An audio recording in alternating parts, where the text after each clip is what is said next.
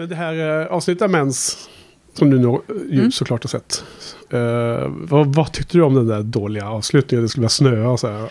Angel skulle klara sig bara för det liksom.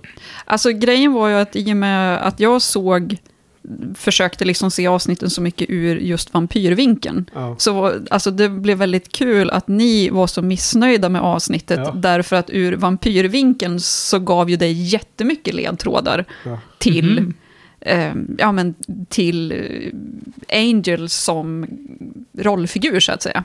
Så jag, jag var ju nästan orolig inför liksom, att ni skulle prata om en mens, för jag tänkte shit, de kommer ju liksom att spoila hela, hela min grej här. Mhm. Eh, så det var lite, lite spännande att Är vi inne och nosar på det som du ska prata om sen? var så mycket missnöjda. Nej, jag, alltså, i och med att ni var så missnöjda med det så, så upplever jag inte att, att ni liksom egentligen plockade upp Nej.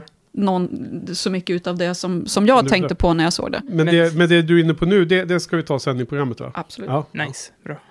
ja. Ja, Så, och jag tänkte bara säga att då innebär ju det att jag tänkte ju liksom inte så mycket på slutet, utan då fick det liksom, ja ja, men okej, Ja, då blev okej. det sådär. Så. Ja, ja, okej. Men vad säger ni, ska vi köra igång eller? yes. Eh,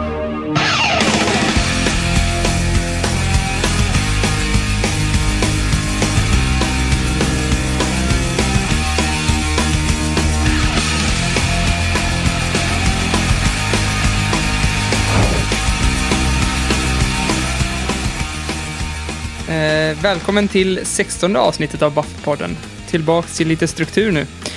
Idag ska vi snacka om eh, avsnitt 13 i säsong 3, eh, spoilerfritt, eh, The Seppo. Och eh, avsnitt 14, Bad Girls. Och avsnitt eh, 15, Consequences. Och 17, Doppelgangland. Uttalar jag det rätt va? Ja, hur uttalas det egentligen? Oklart. Nummer 16 va? Ja. Och förutom oss två, Henke, så har vi flugit in en vampyrexpert. Ja. Vem är det? ja, vi hälsar Sofia välkommen till podden. Mm? Tackar, tackar. Så eh, mycket välkommen och den tredje gästen vi har här nu då. Mm. Den första som inte heter Burman i efternamn. Exakt, det var ju lite special till att börja med. Så mycket välkommen och eh, ja, hur känner vi dig då? Eh, vi känner väl varandra genom Filmspanarnätverket, Ja. framförallt. Av eh, filmbloggargänget som Ja. vi hänger med ibland. Och Sofia är ju en eh, extremt analytisk eh, betraktare av teman och underliggande ämnen i filmer och böcker. Och inte så mycket tv-serier. Nej, det, tiden är ju begränsad helt enkelt. Så att eh, ska man hinna med lite film och böcker så finns det inte så mycket tid över till tv-serier har jag upptäckt. Nej. Nej, För det är verkligen djup analys. Vi borde lägga upp den här bilden som jag tog på dina anteckningar. Där du har skrivit i sex punkter, Ja. nio A4-blad. En liten bok. Ja, eller också kanske man inte ska skylta med hur OCD-varning det är på det. Ja, nej, men du, eh, du har ju en webb, webbsida också, ska vi säga, en filmblogg som heter Rörliga bilder och tryckta ord. Som täcker in vad du eh, är intresserad av Mm. för, på din blogg. Som länkas till om man... Ja, Inte ska vi- kommer i ihåg. show notes. Mm. Absolut. Så mycket välkommen. Och, eh, men det är lite roligt det här nu. Du har ändå du har varit en lyssnare till podden länge. En eh, Friends of the Buff- Buffy-podden. Och- Från första början får jag väl nästan säga. Ja, absolut. Och det är vi jätteglada för. För du är också en... Eh, du leder ju solklart i klubbhuset eh, mest antal kommentarer på, våran, eh, på våra inlägg för varje avsnitt. Eller hur, Mm. Johan? Och leder nog eh, ligan att se flest avsnitt ut, utan att vara ifatt oss än också. Ja, hur menar du? Att hon ser, till det här eh, avsnittet har du sett alla avsnitt, alltså de här fyra avsnitten som vi ska prata om, har du sett dem tre, fyra? Tre gånger hann jag med. Va, varför gjorde du det förresten? Ehm, det var väl primärt därför att den första gången så var jag så upptagen med att föra anteckningar. Så då kände jag att äh, men jag måste ju se om dem åtminstone en gång till, eh, för att liksom mer ta in någon slags helhet. Och sen efter jag hade lyssnat på något av era senaste avsnitt så pratade ni om så många eh, aspekter på de här avsnitten som jag insåg att, men gud, det här har inte jag alls tänkt på. Så då var jag liksom så himla nyfiken på att se om dem en gång till, liksom utifrån det här, alltså, ni pratade till exempel om klippningen i dem och, och Mm. liksom själva eh, den övergripande storyn i, varje avsnitt. Ja, ja. Så då, som sagt då vart jag sugen på liksom att se om dem för Mm. det då. Mm. Ja, kul att vi inte bara påverkat att se det en gång, utan Ja, men också, gånger. intressant ordning också för övrigt. Eh, de eh, myckna anteckningarna i första titeln Mm. och insupa han, övergripande handling i andra titeln. Ja, fast det, det har väl kanske att göra med också i och med att ehm, jag såg ju egentligen alla avsnitten fram till just de här fyra Ja, ur liksom ett, ett rätt så strikt vampyrperspektiv. Så då var man ju liksom redan inne i det tänket, så då var det ju liksom lättare att börja fokusera på, på de detaljerna. ja, än, än att ta helheten till att börja med. Ja. Ja, och det här ska vi då eh, passande eh, eh, nämna det då att du har ju haft ett litet intressant eh, projekt på din blogg i eh, höstas, vintras någon gång, va? No november kanske? Oktober och november? Oktober och det svällde ju lite då, så Ja. från början skulle det ju vara ett halloween-tema och det brukar jag ju ha under oktober månad. Ja. Men sen vart det ju så många så att jag tror jag drog in fram emot typ 20 november innan Ja. det var slut.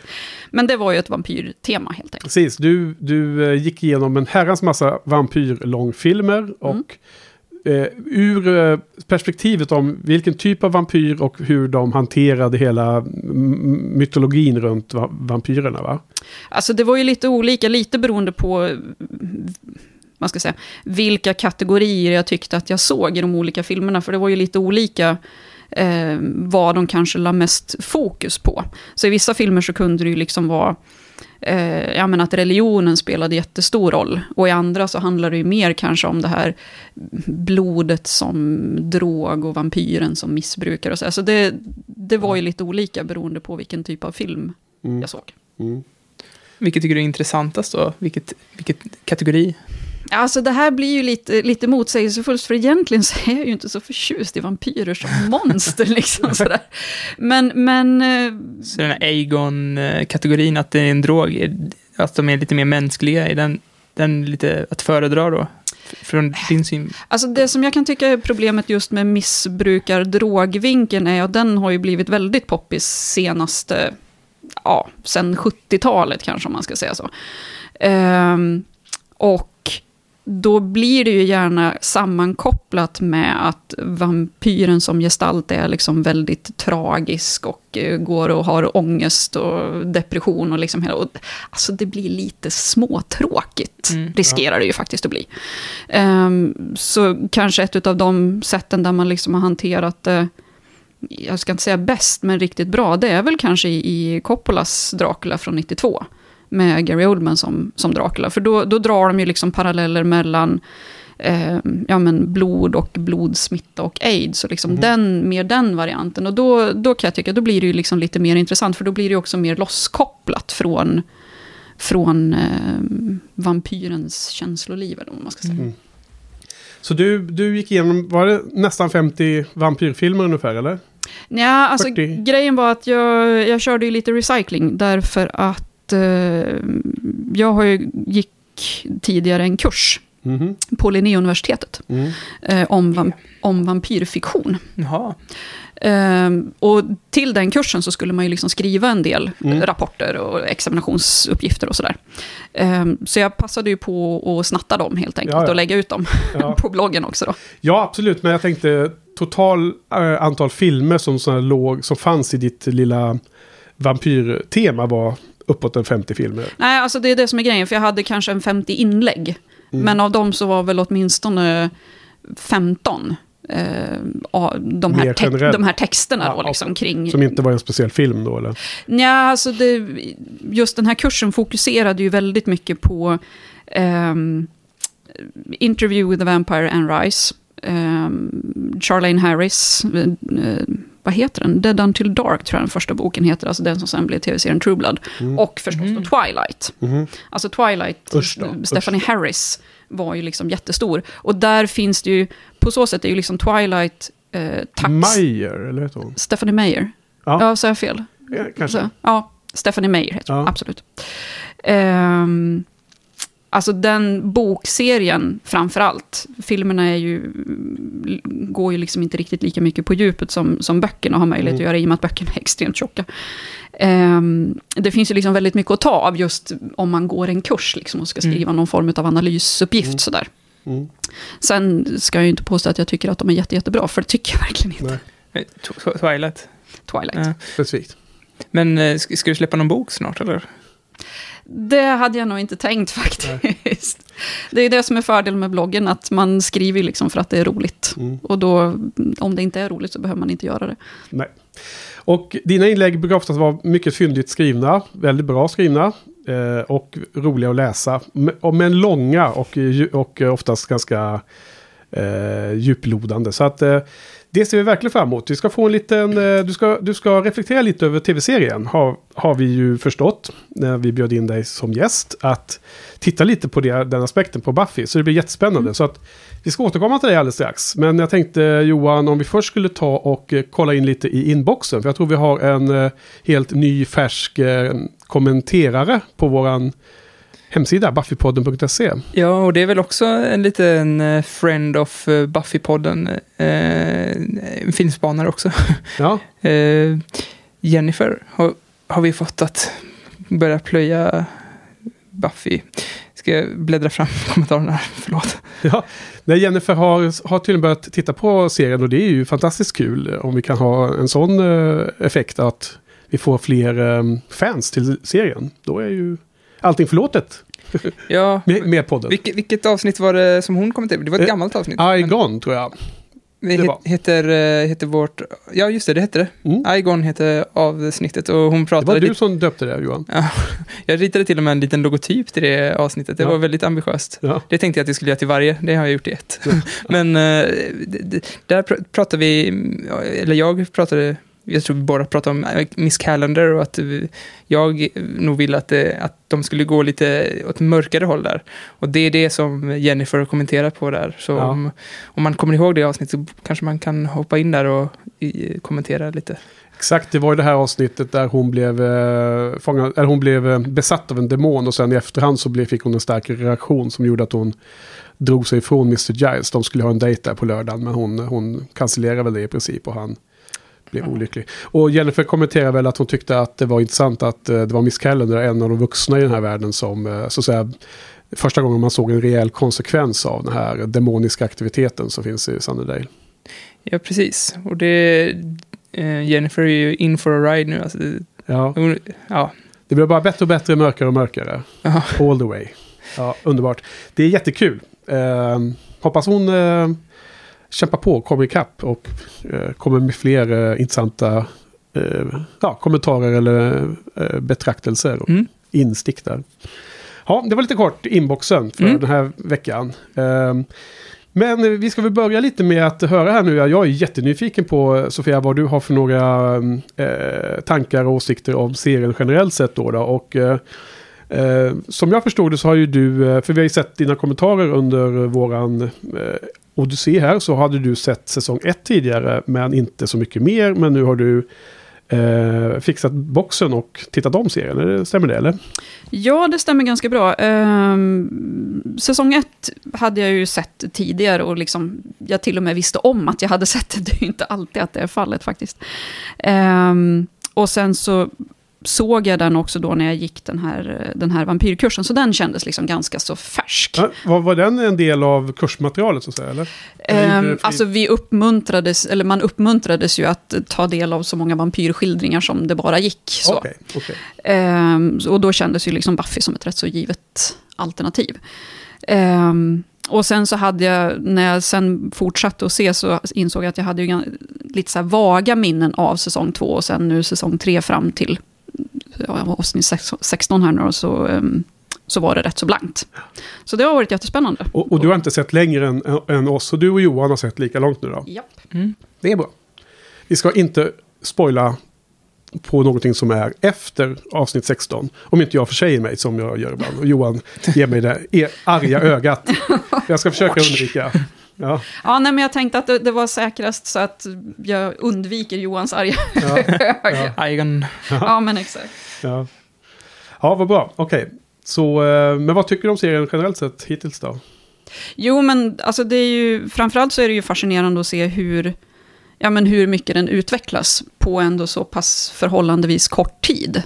I, ja, men i berättande och hur, hur de olika avsnitten hänger ihop och den här dynamiken liksom i den här gruppen. Mm. Eh, och också att ehm, åtminstone de här sista fyra avsnitten, när man liksom, alltså man får ju en väldig payoff när man ser dem flera gånger, för att ju mer, alltså ju mer man tittar på dem, desto fler trådar hittar man ju som Ja. man liksom kan länka bakåt, så det är oerhört intrikat egentligen. Ja, alltså. det är verkligen. helt otroligt är det ju. När man ser om avsnitten, Mm. speciellt eh, kort tid emellan. Mm. Att, det, att det är som, man hittar lika mycket till. Jag vet inte hur många gånger i rad man kan göra det, men ja, vi har varit inne på det tidigare. Ju. Mm. Varje gång vi ser om ett avsnitt så känns det som att det var ju mycket bättre. Vi kanske borde fortsätta med, vi gjorde ju det ett tag, att se om det vi tyckte var bäst såg vi om tillsammans eh, Ja. innan på den. Det är mest att det blir lätt sent då. Ja, det blir det. Ja, eh, Annars så kanske ni egentligen borde se om det som ni tyckte var sämst, för att liksom se om det blir bättre. Ja. ja. Annars är ju risken att man sänker det här som man egentligen tyckte var bra från första början. Eller så ser man om det som man tycker är bäst. För man är lättjefull som Angel. ja. Okej, men eh, ja, vad har du för några analys nu på? Finns det några vampyrer i den här eh, världen som eh, heter duga? Eller hur, hur behandlar de vampyrer? Alltså det är ju det som är, lite, det är det som är lite problemet, för liksom när man, det dröjer ju inte så himla länge innan man inser att, alltså, trots att serien heter Buffy the Vampire Slayer, så är det ju inte jättemycket fokus på vampyrerna. Nej. Utan alltså egentligen så skulle jag kunna tänka mig att hade man liksom hunnit eh, tänka igenom vartåt serien skulle gå utöver säsong ett, så undrar jag om den inte skulle ha hetat Buffy the Demon Slayer egentligen. Ja. För det känns som att själva grejen med vampyrerna är inte att de är vampyrer, utan att de är liksom delvis demoner. Ja. Och så har de ju liksom en massa andra demoner i, Absolut. i den här världen också då. Ja, men jag förstår. Eh, eller du ser... Nej, jag bara, ut. jag bara tänker. Ja. My game face. Ja, ja. Nej, men jag tycker det är en intressant eh, kommentar. Alltså, oftast är ju vampyrerna deras eh, soldater, deras minions. Medan det är alltid någon demonisk figur som är lite mer stark. Antingen jättemycket mer stark eller lite mer stark. Och som de då fightas mot i slutet. Eller till och med säsongs Big Bads. Brukar, Mm. eh, okej, The Master var ju en vampyr i första säsongen ju. Ja. Och i andra säsongen var ju egentligen Angelus eh, Spike, Angelus. Ja, de var ju båda va- vampyrer. Men det finns ju bra många tillfällen, och inte minst nu i säsong tre, då det är ja, demoner mer. Så här. Och Ja. jag tror Mm. de kommenterar något om det också just. Eh, nyligen när vi såg, inte för det här veckan, men tidigare när de fightas mot en demon ute i parken där. Och när Buffy har dödat honom så kommenterar de att han inte blev dusted. Mm. Och då börjar de säga, ja ah, vi får kanske gräva ner honom liksom. Ja. Nej, men det känns som att de är lite som fotsoldaterna, vampyrerna, och sen är det Ja. demonerna som är det... Och, Verkligen. ganska korkade också. Ja, Alltså jag upplever ju att det, framförallt från, ja, men från Band Candy och framåt, Mm. så, så blir det ju väldigt tydligt att vampyrerna är ju, som du säger, liksom bara henchmen åt the big bad. Mm. Eh, och jag tolkade väl lite det som att det är ju ganska bekvämt därför att då behöver ju inte mm, framförallt Buffy ha liksom dåligt samvete när hon ska ta hand om alla de här henchmännen som är ute liksom efter henne och försöker stoppa henne från att ta hand om, om the big bad. Mm. Utan då kan hon ju bara dasta dem Ja. rakt av. Ja. Man såg ju också att, att eh, när, om Buffy aldrig hade kommit till Sunnydale, så ha, då hade det blivit övertaget av vampyrer. Men eh, då, då hade de inte behövt alla de här demonerna. Så då var det ju liksom vampyrer som, som Mm. Tog över. För jag tänker nu, som du säger, här nu i säsong tre, då, då finns det ju liksom ingen övervampyr. Utan då har de ju verkligen bara blivit henchmen i princip. Mm. Ja, det är ju The, May, eh, the Mayor som Ja. är den lustiga Big Bad. Som ju verkar röra sig åt något slags demonhåll, får man ju känslan av. Typ. Ja, det som vi har sett den här veckan var väl, det var väl nu vi såg honom, han, han blev invincible till och med va? Mm. Det kändes som att, det var, att han inte var demon från början, utan var lockad av de här eh, mörka krafterna. Ja, eh, nu kommer jag inte ihåg riktigt hur hans eh, historik egentligen är och hur, eh, hur mytosen runt honom är. Men jag, alltså var han inte, eh, kan han ha varit något delvis, eller någon eh, svagare typ av demon och sen blev han, han fick någon ascension, han, han steg ju upp va, med den här proceduren. Vilket avsnitt är det vi pratar om egentligen? Var det ja, Alltså Visst. hans as- ascension, eller mot hans ascension så att säga, är ju i ett av avsnitten som vi pratar om idag. ja. Och Vilket in- avsnitt är det? Är det Eh, Bad Girls eller? Det är Bad Girls och Consequences. Ja, men jag tror det är första delen av, av det dubbelavsnittet. Eh, men, men... ehm, jag, alltså jag har en känsla av att, att fram till nu så har man egentligen inte fått veta så himla mycket om The Mayor, Nej, faktiskt. Nej. Eh, utan, och samtidigt så antyds det ju att du måste ju nästan ha någon slags krafter för att kunna, kunna handskas med det övernaturliga. Så då får, jag har liksom tänkt att han är någon slags warlock. Eller Ja, sånt där. precis som när, när Mr Trick kommer till stan och hans eh, övervampyr blir dödad, han med... Mm. Kakotis with Ja. the cloven hands. Ja, just det, Cloven ja. Då, då börjar han ju jobba för The Major, Mayor och han, eh, han liksom underrättar ju sig under honom direkt. Det skulle jag inte göra mot en vanlig människa som Nej. bara hade ett lustigt eh, maner. Tror jag. Nej. 50-tals chipper. Ja, I feel chipper säger han efter att han hade överlevt att få ett svärd genom huvudet. Mm. Ja. Ja, men det var ju lustigt. Okej, ja, men eh, så, så det, okay, det var inte så mycket vampyrfokus som du hade förväntat dig kanske. Nej, jag hade nog kanske trott att det skulle vara mer. Och, och jag skulle kunna tänka mig att det i sin tur leder ju till att eftersom själva vampyrismen egentligen inte står i fokus, så um, alla de här liksom typiska vampyrgrejerna är ju egentligen ganska flytande upplever jag. Just så här, ja men ibland funkar det och ibland funkar det inte. Och för att kan poäng... du ge några exempel? ehm, Är det att Angel är stark ibland och lite mindre stark ibland? Eller? just den här med styrkan är ju en sak, men till exempel det här med, med att de eh, är sårbara för kors. Ja. Upplever jag. Det, det verkar kunna vara väldigt olika. Ibland så väser de bara lite och liksom drar sig undan. Ibland så kan de liksom slå undan det där korset hur lätt som helst. Och ibland så blir, verkar de liksom nästan bli helt paralyserade. Mm. Ja, och det är likadant med dagsljus också, det är lite olika effekter Lite där. olika. Och, och Ja. det är ju, jag, jag upplever att det är vissa vampyrer som man liksom har sett som har någon sån här lite glamour-krafter. Men det är ju inte alla som har det. Du Glamour. menar att eh, kunna få folk lite... eh, Lite hypnotiserade. Ja, just så. det. Sånt ja. ja. För till exempel, ehm, jag har en känsla av att, att vissa vampyregenskaper som de liksom testade lite sådär i första säsongen för att liksom se om det funkade eller inte, de har de liksom släppt sen. För jag tänker eh, nästan den första människan som vi såg som blev vampyr, han Jesse, ja. som liksom var Sanders kompis. Som, som var med i tv-serien 24 sen för övrigt. Lustigt nog. Ja, Ja, det var där han var i första säsongen. just det. Jag tyckte jag kände igen honom. Ja, ja. Ehm, han får ju någon slags där, lite glamour-krafter får man ju en känsla av när han då är som vampyr tillbaka på The Bronze och Cordelia verkar ju liksom bli alldeles hypnotiserad och liksom ska dansa Ja. med honom då trots att hon ju tidigare bara har blåst av honom Ja. för att han är en tönt. ja, just det. Ehm, men det, Because vampire. ja men lite så. Sexy. Ja. Ja. Ehm, men det är ju liksom ingenting som de plockar upp på något jättetydligt sätt Mm. i, i, som ett generellt vampyr, en generell vampyregenskap efter det. Utan då blir ju liksom det för vissa specifika typ Drusilla då i sådana fall. Ja.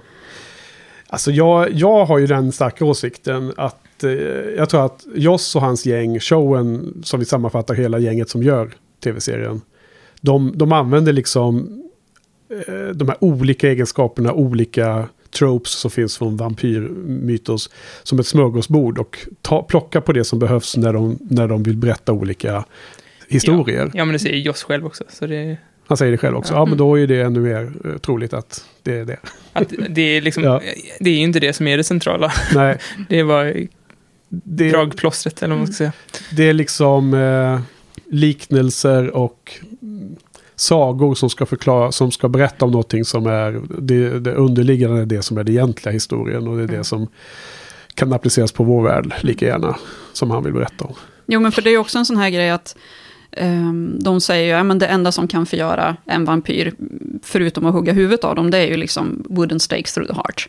Ehm, och i, jag tror att det är The Harvest-avsnittet i säsong 1, så säger ju han Luke, metal can't hurt me, när, hon, när Buffy står med det här ehm, stativet och liksom Ja. typ, det ser ut som att hon ska spetsa honom på det. Ja, Ehm, samtidigt så dör ju Angel av svärdet i säsongsavslutningen i säsong två. ja men han, fast han döstas ju inte. Han flyger in i helvetet. Jo, fast det är ju frågan, alltså, om jag, som jag uppfattade den eh, poängen med att sticka ner Angel med ett svärd var ju att den som öppnade porten måste dö. Ja, För att porten skulle stängas. ja, jag håller med. Men jag tror att det var special, va? För det där svärdet kunde bara brukas av någon som var liksom Jo, men egentligen så är ju god det... och så. Det, det, det, det hade en helt egen koppling det där med uh, helveteshålet, öppningen, svärdet. Och den som öppnar skulle liksom offras. Så det, jag tror att det var en liten, är det inte kaka på kaka här? Att två olika eh, skeenden igång, eller vad tror du? Ja, men, alltså, jag tänker ju att det är ju egentligen ett, ett exempel på, som du säger, som just... Avsteg, ja. Ja, men just det här att ja, men man använder liksom det som funkar för tillfället för att Ja. få fram liksom den här historien. Själva poängen var ju liksom inte att fundera på om Angel kunde stickas ner av en träpåle eller ett svärd, utan Nej. poängen var ju liksom att Buffy skulle vara tvungen att dö, liksom, inom citationstecken döda Angel. Ja, just. Sen är det liksom skitsamma egentligen, Ja. på vilket sätt Ja. nästan. Ja, exakt. Ja, Ja, men det. det har vi tagit upp många gånger. Ja. Själva, själva action setpisen i slutet är ju det som spelar minst roll egentligen. Ja.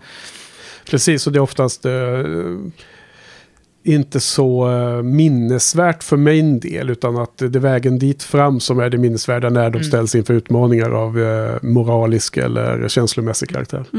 Sen kan man ju säga att alltså, vampyrerna, de här vanliga vampyrerna, så att säga, som ju oftast inte har något namn, liksom så, eh, de känns ju inte så himla smarta. Alltså. De rusar ju liksom ofta bara på och ska Ja. anfalla med en gång. För en sån här grej som jag började fundera på efter ett tag är ju att, ja men okej, om, om den största, största risken med liksom att bli förgjord som vampyr är att få en träpål genom hjärtat, börja bär kevlarvästar kanske? Ja. Då skulle man ju klara sig rätt länge i alla fall. Ja, jo, det fanns väl på 90-talet eh, utan tvekan. Ja, Ja, eller ja, men ringbrynjor då. ja, ja. Om de nu ska vara lite mer gammalmodiga. ja okej. de, som sagt var just den här, de här, eh, ja men egentligen hordvampyren eller henchman-vampyrerna, de, Ja. de är ju inte så himla smarta. Däremot så brukar de ju oftast bli jävligt bra på kampsport, har Ja. jag noterat. Det blir alltid liksom lite så här kickbox-fighting nästan när de ska slåss mot vampyrerna. ja, Ja, som Lite. sagt, det, det är ju det här smörgåsbordet som han plockar. Han, han använder ju bara de här eh, sakerna som man älskar Joss för att eh, försätta personerna i coola situationer eller situationer där han, där han kan berätta sin story eh, på ett bra sätt. Mm. Liksom. Sen är de väldigt osammanhängande krafterna i olika, vid olika tillfällen och sådär. ja. Det är ju bara estetiken som han tycker är ball, tror jag. Men, ja, och, men det är liksom också lite, jag tycker att det är som en, en liten tjusning med, sån här, med den här serien är att det blir lite som en blinkning i ögat till oss också. Att, att ehm, vi har en överenskommelse outtalad att, att ni köper viss, vi i publiken köper vissa av de här skevheterna och o, att det är otajt mellan hur, hur, hur starka eller hur viga eller flexibla de här eh, vampyrerna är från avsnitt till avsnitt. Mot att vi, vi köper liksom att då får vi de här eh, underlag för de här historierna istället. Mm. Liksom. Det, det, det är Exakt. som en total eh, deal liksom. Ni får köpa att det är lite svagt här för att då får vi lite styrka här liksom, i, i själva berätta, berättelsen. Men det är också så att de, att de ibland slänger in, alltså det är så lustigt här när jag och Johan har sett det här och, och du har sett det för första gången då Johan och du har liksom haft vissa synpunkter på varför har de inte gjort det här eller varför har de inte sagt det här. Och sen ganska ofta så kommenteras det i Ja. showen lite senare. Det är helt sjukt i, i det första avsnittet, eh, The Seppo. Ja. Ja, vi Ja. kommer väl till det. Det kom- är ju verkligen... Du, du får ta med den då. ja. För att, till exempel den här frågan som du nu tog nu, varför är de så bra på eh, march, martial arts? Mm. Det, har de ju, det har de ju kommenterat lite i första avsnittet säsong 3, än. När eh, skobisarna är kvar i Sunnydale och eh, Buffy inte är där. I början där så är de ju ute och patrullerar och har ju världens problem med att eh, fighta ner ens en vampyr. Du vet, då när Oss försöker kasta en, eh, eh, en, en stake liksom, men, men misslyckas och så. Och, och då... Eh, Willow har blivit eh, omkullkastad och Sander så här, muttrar någonting om att värst vad vig du var då. Och då är någon som kommenterar, jo men det var ju han som var med i skolans gymnastiklag säger du då. Jo, fast grejen är att han är ju inte vigare än alla andra vampyrer Nej. som vi har sett. Nej precis, men vad jag, vad jag tänkte med det var att då har liksom på något sätt så finns det i bakhuvudet hos showen att ja men det här kanske är orimligt. Men då nämner vi det här lite för att då liksom Då ger vi en liten så här miniförklaring, även om den inte är heltäckande, så är det liksom en, en del av den här blinkningen. Kolla, nu har vi Ja, faktiskt fast- besvarat den här frågan just nu i alla fall. Liksom. Ja, för Blink, just, blink. just den här individuella vampyren, för egentligen så är den ju inte täckande alls, för Nej, då skulle nej. ju liksom alla vampyrer vara gamla gymnaster. Absolut. Och det var inte- Man, man kan det- nitpicka sönder den här. Alltså, Ja. Det är inga problem att nitpicka sönder den här. Och det tror Ja. jag alla Joss också är väldigt medvetna om. Ja, och det är därför jag ser det mer som en blinkning än att det är ett, ett, ett Ja. försvar. Så. Eh, utan det är mer som jag sett att, kolla här, vi ska, eller jag ska jämföra det med, eh, vilken nu när jag tänker på lite snabbt, jo men om man tittar på den här ehm, Ryan Johnsons film Looper, Mm. vet jag var en ganska eh, tydlig kommentar runt det som han själv, eller som, eh, vad heter det, som, eh, ja, när man läste någon intervju eller om det var analys på nätet. Att den handlar ju om tidsresor. Och då sitter ju Bruce Willis, spelar väl det där va, mot Mm. eh, Joseph Gordon-Levitt. Levitt. Levitt. Och då sitter de på ett fik och så säger tror jag Bruce Willis att nu, nu skulle vi kunna sätta oss och snacka igenom jättelänge hur de här tidsresorna påverkat vår, vårt liv. Mm. Men det, det är för tråkigt. Ja. Och det är ju egentligen a breakage of the fourth wall. Ja. Det, det är ju Ryan Johnson som säger till publiken, vi skulle kunna gå igenom allt det här och jag tänkt ut det, men det, vi skiter i det. Det är liksom samma typ av, Lite vi- Joss Whedon. vi, vi skapar ett kontrakt här nu. nu. Nu får ni köpa att det är eh, tidsresor, det här är samma individ fast, ni vet, du har sett Ja. Looper eller? Är kanske Jag har inte sett Looper. spoiler här, men, men han träffar sig själv helt enkelt liksom, och olika åldrar. Inte jättespoiler va? Båda är väl med på... Ja, nej att båda är med är nog ingen spoiler, men att det är samma individ kanske är en viss spoiler. Men det är en gammal film, Ah. det, det får man ta. Men det, jättespoiler. det, det är en sån lustig blinkning just att, eh, som jag vet att kommenteras väldigt mycket runt den filmen. Det var inte en eh, neat eh, solution till det här med hur, hur ska man förklara alla de här turerna liksom. Mm. Men vad tycker du om Angel, Spike och Drusilla då? Som, eh, men som karaktärer, om vi kommer in lite på eh, lite Buffy-världen Mm. också. Vad tycker du? Har du, ja, eller? Ja, shoot. Ja, ehm, alltså det är, ju, det är ju liksom väldigt lätt att se de två olika vampyrtyperna så att säga i, i de här tre. Ja. Ehm, jag vet faktiskt inte hur, hur eh, generell den uppdelningen är, men i en av de här kursböckerna som vi hade på den här kursen, ehm, så pratar de om dels liksom en klassisk monstervampyr, och det är ju typ som Dracula, alltså någon som dödar för att man tycker att det är roligt och inte liksom har, känner någon ånger eller någonting sånt där. Inget The samvete. Master typ. The Master. Och Angelus. Eh, och Angelus, och Spike, och Drusilla egentligen också. Ja. Eh, Medan däremot Angel då är ju eh, mer av den här typen som, som man skulle kunna då kalla för humanvampyr. Som alltså blir, ehm, har nästan, alltså en humanvampyr blir nästan en, en bättre människa än de vanliga människorna. Antingen därför att som i, i ehm, fallet med Angel då, att han har ju nästan ett, ett större samvete för sina gärningar Mm. än en genomsnittlig människa. Mm. Eh, annars är ju liksom kanske den, den mest klassiska av de här humanvampyrerna är ju Anne Rice eh, Lewis. Som ju på något sätt, han upplever ju mänskligheten och eh, skönheten i världen och sådär på ett helt annat plan liksom än de vanliga människorna. Bland annat för att han liksom har, att han ju le, alltså han är ju odödlig, han kommer ju leva hur länge som ju, helst. eh, Only Lovers Left Alive, eh, alive också. De är väl sådana va? Ja, exakt. Du har sett den nu eller? Nu har jag sett den, ja. Ja, vad tyckte du? Eh, Alltså, grejen är att jag tycker de här humanvampyrerna är ganska trista, för de blir ju, de blir ju ofta... Ja, men det är mycket brooding och de är lite deprimerade och går omkring och ojar sig hela tiden och tycker att allting är jobbigt och hemskt. Men har du sett What We Do In The Shadows? Ja, Där är det inte riktigt så kanske. alltså där tar de ju mer av en, en humoristisk vinkel på det så, så att då, då funkar det ju bättre. Ja, då, då blir det lite så här kom, kullkastat. Ja. Din, din kritik mot den typen va? Om det, om det spelas för humor menar jag. Då blir det någon annan femma. Jo, men alltså grejen är att humor och depression är ju svårt att få ihop, så att säga. Nej men det här med brooding och att den biten, om det sen görs i ett humorsammanhang så blir det en helt annan grej än att se det som allvar. Ja, jo, men då driver man ju liksom Ja. här. Och jag menar till viss del så är ju, är ju serien också medveten om det. Alltså jag menar när Angel liksom får kommentera att han hade honat sina brooding skills där Ja. under några hundra år. Liksom. Ja, just det. Ja, precis. In, innan han fick, eh, typ, eller efter att han fick sin själ och tills han nu Mm. då hade vaknat till liv och börjat jobba för någon, någon kos liksom. Ja, men exakt. Ja, jag gillar att de blinkar lite åt sig sig själva. Att, att Joss liksom säger, säger åt oss bara, vi vet att det, det blir lite väl mycket romantik nu kanske. Eller Ja. det blir lite väl mycket brooding. Men, Mm, mm. så, men det märks verkligen att eh, det blir ju lite tråkigt när det är för mycket brooding. Och att det behövs, eh, behövs lite skoj också. För Mm. att, Ja, men Angel har fått mycket stryk i det här rummet. Det är ju, jag är ju lite mer neutral till honom, men eh, Johan har varit lite mer eh, eh, kritisk till honom. Mm, jag, Vad, vad tycker du om Angel? ja, jag måste nog erkänna, där är jag nog med på Johans sida. Jag tycker Ja. han, han känns lite... Ja, men ganska tråkig och ibland så... Det kanske är fel att liksom skylla på Angel, för det är ju because of manus. Men liksom, han, han är ju lite douchey ibland alltså. Som sagt var, liksom, vilket tai, chi bara överkropp. Alltså det känns som att han, han och serien försöker få honom att verka så mycket coolare och häftigare och eh, mer romantisk än vad i alla fall jag kan uppfatta Ja. honom som. Intressant alltså att, eh, att, du säger, att du uttrycker det på det sättet. För det är lustigt att eh, ett av avsnitten vi ska prata om om en liten stund är ju, handlar ju om coolhet. Och där finns ju helt andra värden i coolheten som showen också visar. Som inte har att göra med hur Angel är. Så att det är uppenbarligen att de har flera definitioner på vad som är cool.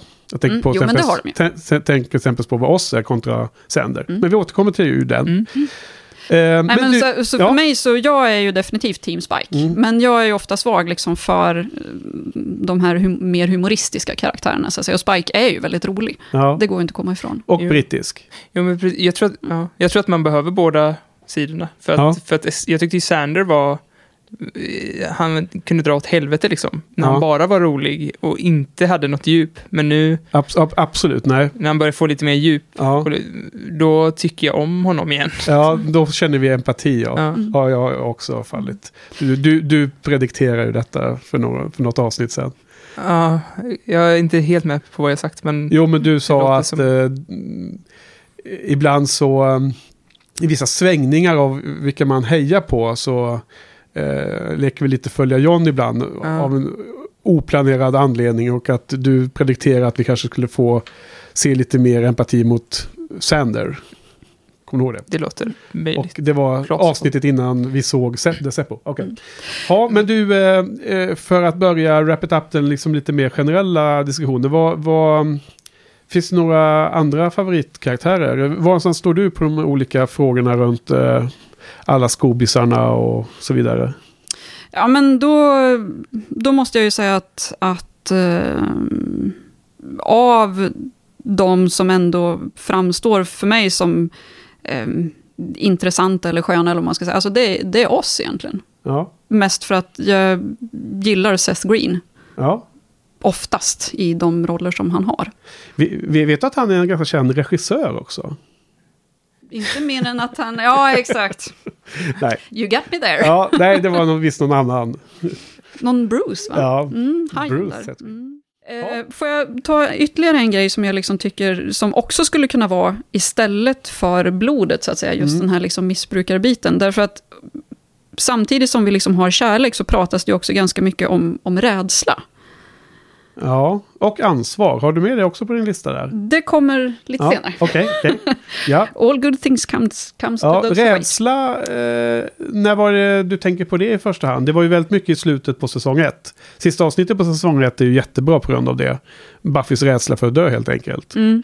Är det detta du tänker på? Nej, alltså jag tänker mer, eh, som du säger, det är, ju, det är ju väldigt mycket fokus på det i, i säsong ett. Och då tänker jag kanske framför allt eh, i de lite tidigare avsnitten. Eh, därför att redan i The Harvest, tror jag, så säger ju The Master, eller möjligtvis i Nightmares kan det också vara, Fear is like an elixir, it's almost like blood. Så även där så Ja. kommer liksom liknelsen till, till blodet, så att säga. Och, och blodet i sin tur är någon väldigt symboliskt viktig sak för vampyrerna eftersom det är deras livlina på något sätt. Ja, alltså blod generellt sett är ju oftast betydelsefullt oavsett om man är vampyr eller inte, men man får väl liksom ändå tänka sig att det blir lite extra just i Buffy, i Ja. och med att du ändå har, har vampyrvinkeln så att säga. Ja. Eh, men också att, att eh, som sagt var det här med rädsla, det återkommer ju även i, i de här fyra avsnitten, just att vampyrer, det verkar nästan som att vampyrer kan leva bättre nästan på rädsla än, än, eh, än blod. Menar du sina offers rädsla? I, I samband med att de... eh, ja, men liksom anfallna? dödsskräcken nästan på något Ja. sätt. Då.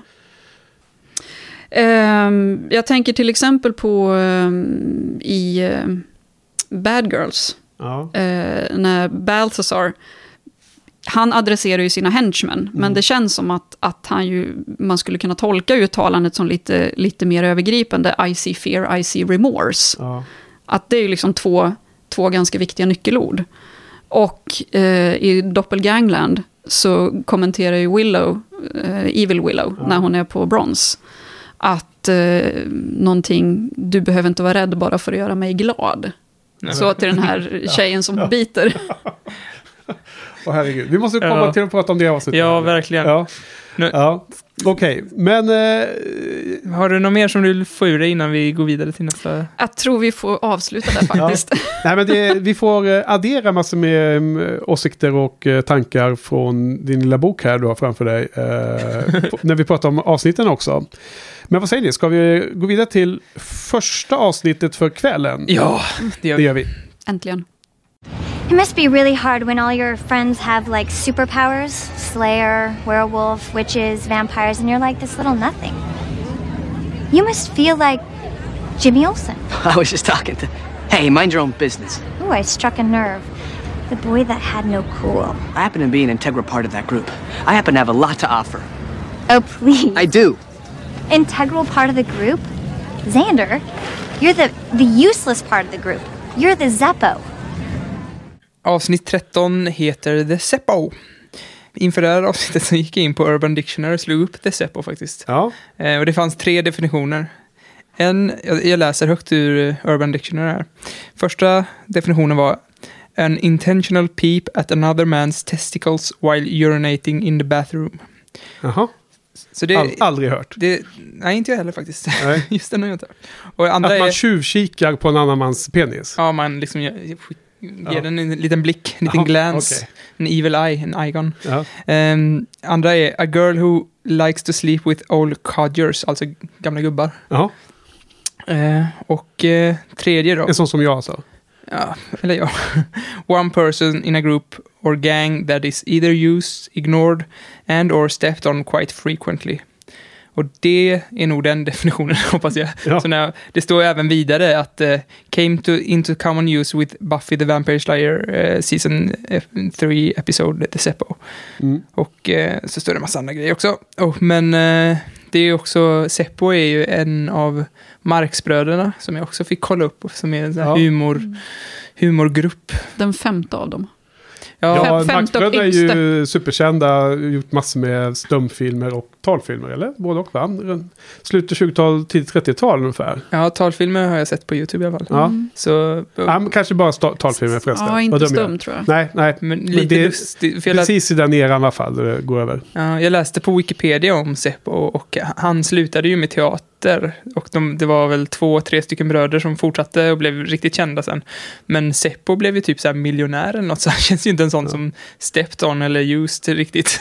Ja, Fast det är väl just liksom i humor, humorperspektivet, för att tydligen i, alltså i filmerna, han var ju med i de typ fem första filmerna eller någonting sånt där, och då var ju han alltid liksom the straight guy. Ja. Jaha, Så han är ju liksom den tråkige, liksom så. okej. Jämfört med de här tre Vi har ju Groucho, Harpo och Chico. Chico och sen ja, Seppo då. Ja. Ja. Eh, jag menar, Cordelia som vanligt definierar ju Ja. vad, vem han var, vad han var och vad han inte var. Ja, och det, och det var jätteroligt. Alltså som vanligt att hon som vanligt definierar avsnittets problematik. ja, och, Det, och det var, nästan jä- varje gång i säsong tre som hon säger någon gång i början av avsnittet exakt vad det avsnittet handlar om. på Reddit så läste jag exakt eh, där och som en kritik då att varför, hur Cordelia som är så ytlig, hur kan hon vet, kan kunna så mycket som om Marx-bröderna? Och då var det någon som eh, svarade på det. What? Cordelia can't have layers? och han fattade inte det Nej. så himla bra. Ja, och Det var bättre att han inte fattade Exakt vad, vad hon sa, sa någon Ja. gång när hon... Men alltså det sägs ju flera gånger att hon har jättebra betyg och så. Och att, Ja. att hon, hon spelar ju sin charad när hon ska vara bland de coola tjejerna liksom. Ja. Ser jag ju det som. Och eh, jag har ju alltid sett Cordelia som eh, den här karaktären som säger det som... Alltså verkligen, finns det en stor elefant i rummet, då säger Cordelia det. Ja. Det, som allt, alla som, det som alla tänker på, men som de av olika anledningar inte säger för att det är pinsamt eller för att det är awkward eller för att det är mm, farligt att säga det på något sätt. Då säger hon ju bara det utan att tänka sig för. Men hon säger, hon, hon används ju som en eh, budbärare från Joss till oss, som jag definierar henne till viss del också. Mm. För, alltså jag funderar lite på, jag tycker att ehm, hon och oss kan liksom spela lite samma roll, alltså just den här sanningssägaren. Ja, Men skillnaden dem emellan är ju att Cordelia, framförallt när hon liksom anstränger sig för att vara liksom taskig, så är hon ju mer den här typen som säger I'm just saying it like it is, och så tar det liksom som någon slags intäkt för att kunna vräka ur sig precis vad som också. helst. Ja, Ja. men exakt. Medan oss kan ju liksom säga sanningar, men göra det liksom på ett så snyggt sätt så att man faktiskt inte liksom tar illa upp. Jo. Som när han liksom försöker vara lite tydlig mot Willow där precis efter Lovers Walk. ja. Och liksom säga att nej men det här är vad jag behöver och nu har jag försökt att säga det som till dig. Johan gillade. Ja men exakt, alltså Verkligen. den är... Ja. Men nu får ni sluta hijacka Å- mitt intro här. Åter till introt. Äh, vänta, skål här nu Johan. Skål Sofia. Nu. Skål. Yes. Yes. Ja. Oj, den var stark. Ja. Skriven av eh, Dan Webber och regisserad av James Whitmore Jr. Eh, I Sunnydale är det mer regel än undantag att ha en övernaturlig förmåga. Och Sander blir ju lite less på det här. Eh, han har ju knappt en mm, hyfsad mänsklig förmåga. Så han eh, ger sig ut i jakt på att skaffa sig en eh, grej. Alltså, försöka hitta sin grej. Eh, och sen i det här sökandet efter sin identitet, eller vad man ska säga, så eh, kommer han över hans farbrors, tror jag det är, eh, veteranbil och eh, tycker att det här, det här är min grej, att ha en eh, bil. Och, men den här bilen attraherar då lite så här gangsterzombies som vill att han ska vara eh, deras Chaufför. wheelman. Ja, wheel, han, att, han ska vara deras wheels, som är mm, ja, transporter Mm. av något slag. Eh, och den attraherar ju någon galen bildtokig tjej också, Ja. som han rubbar i Cordelias eh, ansikte.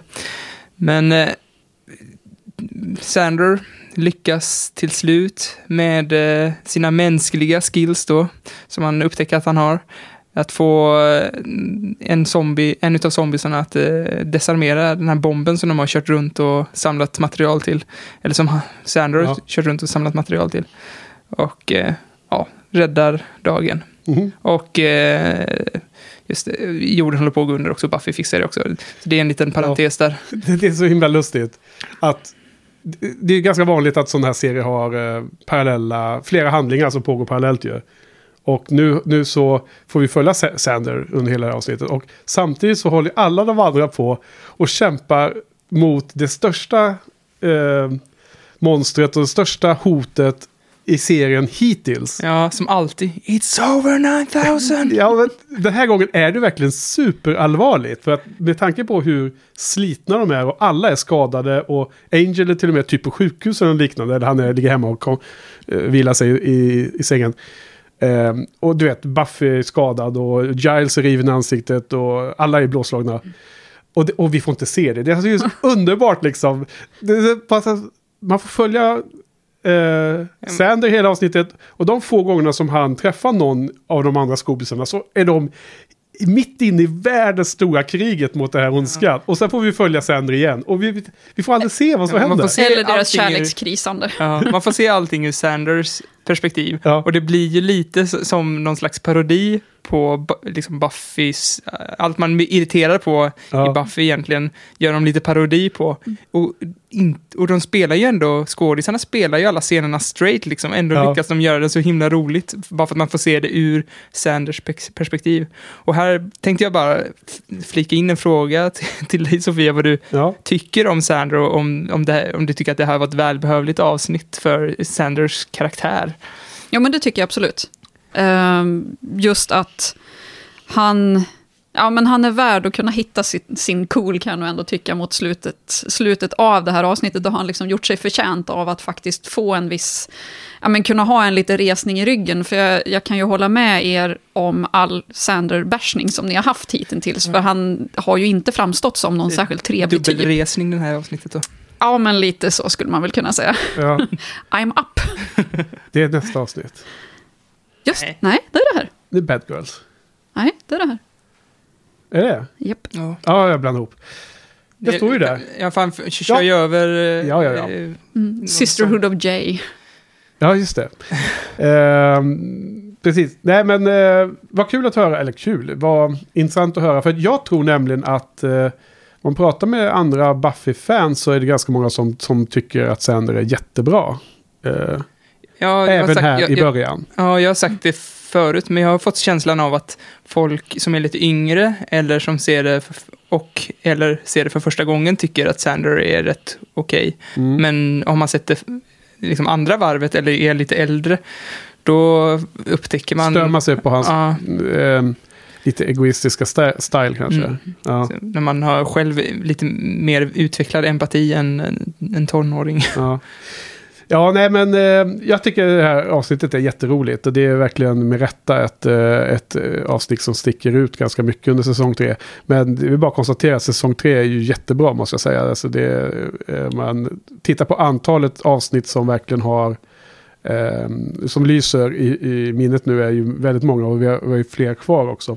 Mm. Men det är ju väldigt lustigt här med den här eh, Cordelia sätter ju som vanligt upp det som vi var inne på alldeles nyss då. Eh, där hon eh, dels kallar honom för Deceppo men också att hon gör den här jämförelsen med att han är, det, vad heter han, Jimmy Olsen.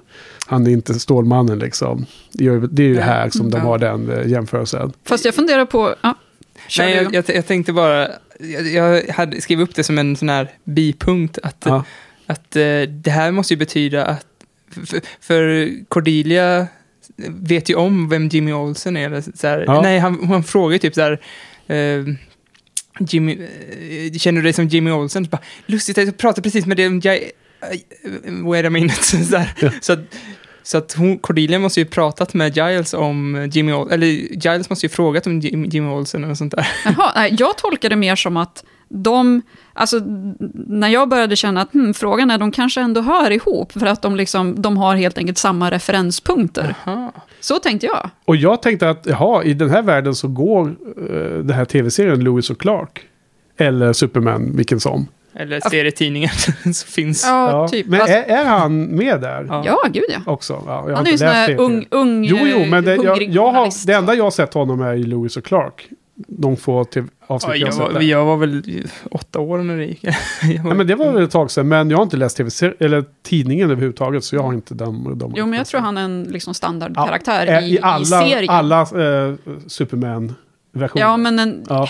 De, de flesta i alla ska man säga, Ja, men, men, ja, ja, nej, men det en, en viktig, det eh, ja. viktig deltagare får Ja. man väl ändå säga, tror jag. Nej, men hon, hon sätter upp själva den här frågan. Han känner sig ocool och det, det är lustigt. Och sen så tycker jag nästan bästa dialogen i hela avsnittet är ju mellan när Sander intervjuar och frågar ut oss om vad är det som gör dig cool och så. För du är ju cool, säger han. Och, och oss då? Am I?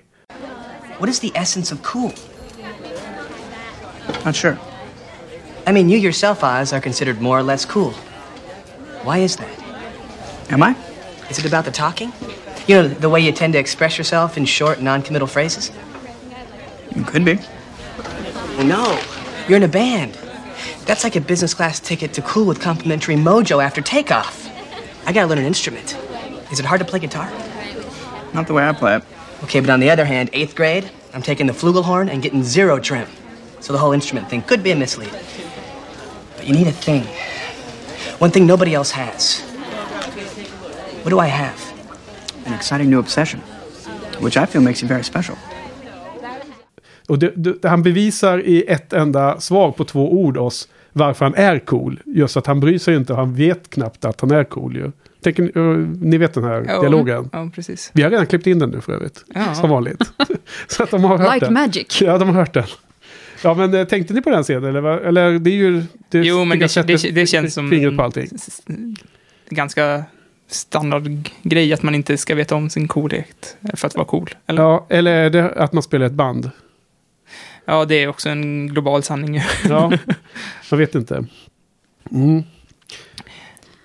Jag tyckte nog nästan ett av de bästa, men det var väl kanske inte så mycket dialogen som, som eh, kommentaren när han kommer i den där enorma bilen. Ja, Eh, och Buffy med en gång frågar, is this a penis metaphor? ja. What is this? What do you mean, what is it? It's my thing. Your thing? My thing. Is this a penis metaphor? It's my thing that makes me cool. You know, that makes me unique. I'm car guy.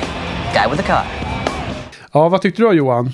Ehm, Jag tyckte det här var bland det, ja, det är nog det bästa den här säsongen i alla fall. Eh, alltså alla, ja, vi skrev ju upp så här, vi, vi sa förra avsnittet att vi skulle sk- ta en punkt liksom, som är vår mainpunkt, och min Ja. mainpunkt är, är här, liksom, själva insikten som, som Sander får i det här avsnittet. Ja. Tyckte jag var, var ganska bra. Att, att, att han att alltid ser gräset är all- alltid grönare på andra sidan och, och sådär. men vilken insikt får han då menar du? Gräset alltid är grönare på andra sidan helt enkelt. Men han förstår att, han, att det är okej att vara som han är, eller vadå? Är det det som är insikten? Ja, det är väl, om man ska koka ner det så är det väl det kanske. Ja.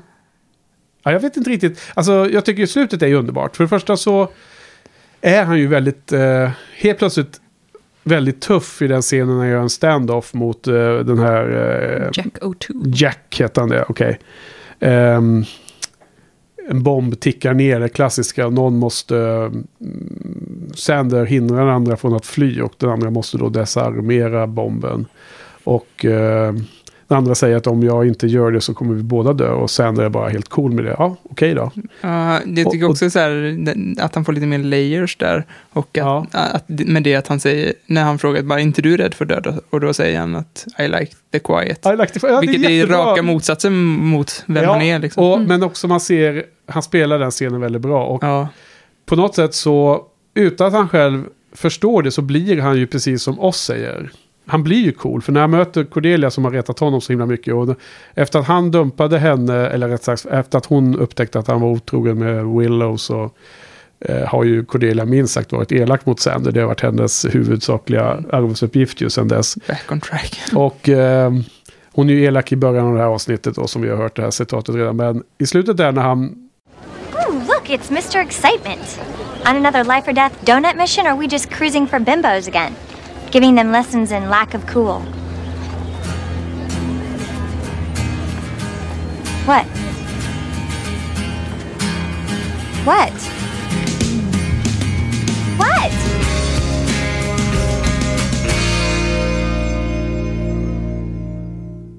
Möter henne och är, han är ju verkligen cool. Det är bra skådespeleri. Jag köper det Ja, 100%. Verkligen. Han, jag, jag, jag tror att skulle du gå fram och fråga honom efter att han har passerat Cordelia ute på gräsmattan, då hade man, han inte, fortfarande inte kunnat definiera vad som är att Nej. vara cool. Men jag tyckte också Han bara är det då att, man, att man fick se allting ur hans vinkel och han fick spela lite bredare karaktär nu. Ja, Eftersom han fick visa lite fler sidor. ja. Ty, jag tyckte han blev snyggare också. Eller var det eh, typ makeup department som hade gjort ett jobb? Eller var det hans liksom, karisma som gjorde att honom, honom snyggare? Att han inte bara var den här jokern som spelar Allan hela tiden. ja. Var han snyggare nu, Sofia? Eller var han allra snyggast när han var i The Swim Team? Sina speedos. Ja, Det enda som jag funderar på när det gäller Sandro och liksom utseendet, det är väl snarare att jag nästan börjar störa mig lite på att man aldrig får se honom på gymmet, för han är jävligt vältränad skulle jag vilja Ja. påstå. Ja, ja. Så han borde ju spendera en del Ja. tid. Känner du, eh, börjar du heja på honom lite mer? Känner du empati för karaktären i detta avsnitt? The Zippo. Ja, jo, men det, kan- det kan jag nog tycka. Sen skulle jag nog säga att, att eh, för mig så blev väl kanske den, den viktigaste scenen snarare eh, när han träffar Scooby-gänget som då sitter liksom och pratar om sin, sin fight med The Hellmouth. Ja. I'll never forget that thing's face. Its real face, I mean. Yes. I don't know how you managed. It was the bravest thing I've ever seen. Stupidest.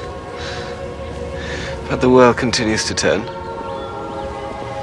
No one will ever know how close it came to stopping. Never know what we did. Guys? Xander, boy, you're lucky you weren't at school last night. I was crazed. Well, uh, give me the quiet life. I'm gonna grab a snack. Anyone want? Och han uppenbarligen inte har behovet att själv skryta med det han har gjort. Igen, han är cool där helt plötsligt. Ja, jo men att han, han, han har liksom fått en egen, en egen resning som sagt var. Ehm, Ja. och eftersom scenen med Cordelia, när han liksom inte besvarar hennes, hennes Ja. taskigheter, så att säga, kommer efter, så kunde jag känna att det blev nästan mer en pandang liksom, till, till den här första, första scenen, när det blir så tydligt att han har ju liksom vunnit någonting. Ja. Sen om det är manlighet eller vad man nu Jo, men det är väl för, det också. Men, och jag var ju förvirrad där ett tag. Ursäkta mig till publiken. Eh, Det är ju i detta avsnitt som eh, Faith efter att ha gjort en, en dusting är sugen på lite hobbyhästridande hemma och tar med sig Sander hem. Och han, eh, han blir ju man där då. det- Han förlorar oskulden helt enkelt med henne. Är det därför han blir cool? Är det därför han blir, får den här styrkan i sig? Är det därför han inte behöver eh, svansa runt Buffy och. Willow och, och framhäva sig själv? Jag tror att, att eh, Joss gjorde helt tvärtom här, att han eh, efter att ha gjort sex sig mystisk sak, så var det bara en, helt plötsligt en throwaway-grej, att inte, det är inte så himla stor grej Nej. egentligen. Jag, och jag tänkte också på en sak med just den scenen när vi är inne på det. Jag var på eh, Bio Rio och såg den här eh, Svensk jävel med Bianca Kronlöf i hu- huvudrollen. Mhm. Vet ni vilken film det är? Nej, är det nu? Det är Nej, den Ronny Sandahl-filmen. Ja, exakt. När går nu? Nej, det var något år sedan kanske, något sånt där. Svensk jävel. Ja, och Bianca är ju svinduktig skådis faktiskt. Eh, Men, men där fick, hon är ju väldigt stor feminist också. Och hon fick, eh, hon gav lite input på, för att hon, hon gav input till, till Ronny då, Ronny Sandahl som eh, regisserade, om en sexscen där. där. För att hon skulle ju vara en sån här independent, stark tjej, men när det kom till sex så skulle hon ändå vara den som låg under och sådär. Och det, så var det ju verkligen i den här scenen. Det var ju inte hon som låg underst. Nej, För det, Faith, nej. nej, så det känns ju som att Joss... För, för det har jag tänkt på många gånger efter, efter jag såg... Efter Men det Bianca var- pratade Det om var det. så- den, den som var mest aktiv här med när du pratade om, om man säger så, i själva det Ja. fysiska Ja, uttalandet. alltså det, eh, det är ju jättevanligt så att det är jättestarka kvinnor, men just när det kommer till sexscenen så, så, så flippas det liksom. Det blir gamla, gamla strukturer som Ja. gäller.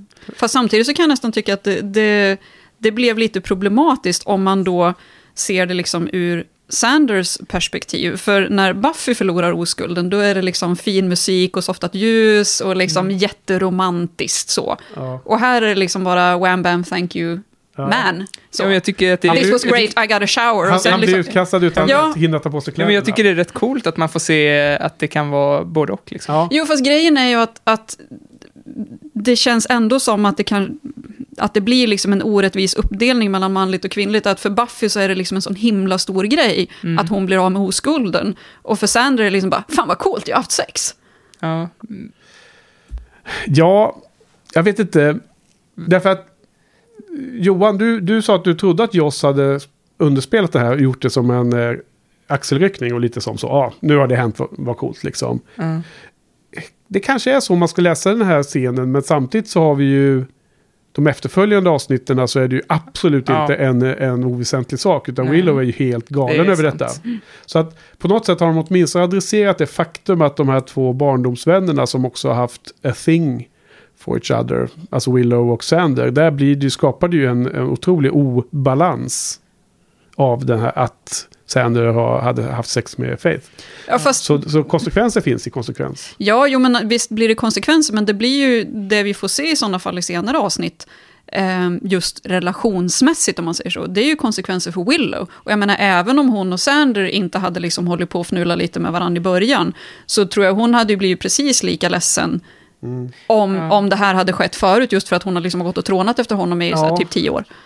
Ja, jag tror också att relationerna mellan alla där har blivit så himla komplexa och det, det spelar nog också in lite grann att hade det varit eh, för eh, i första säsongen, då känns det som att Sander hade berättat det liksom på en sekund för Willow, för att, både för att han Ja. är stolt för det och för att de är bästa kompisar liksom. Mm. Så att de, och de berättar allt för varandra. Men han har också Men nu- berättat för att skryta.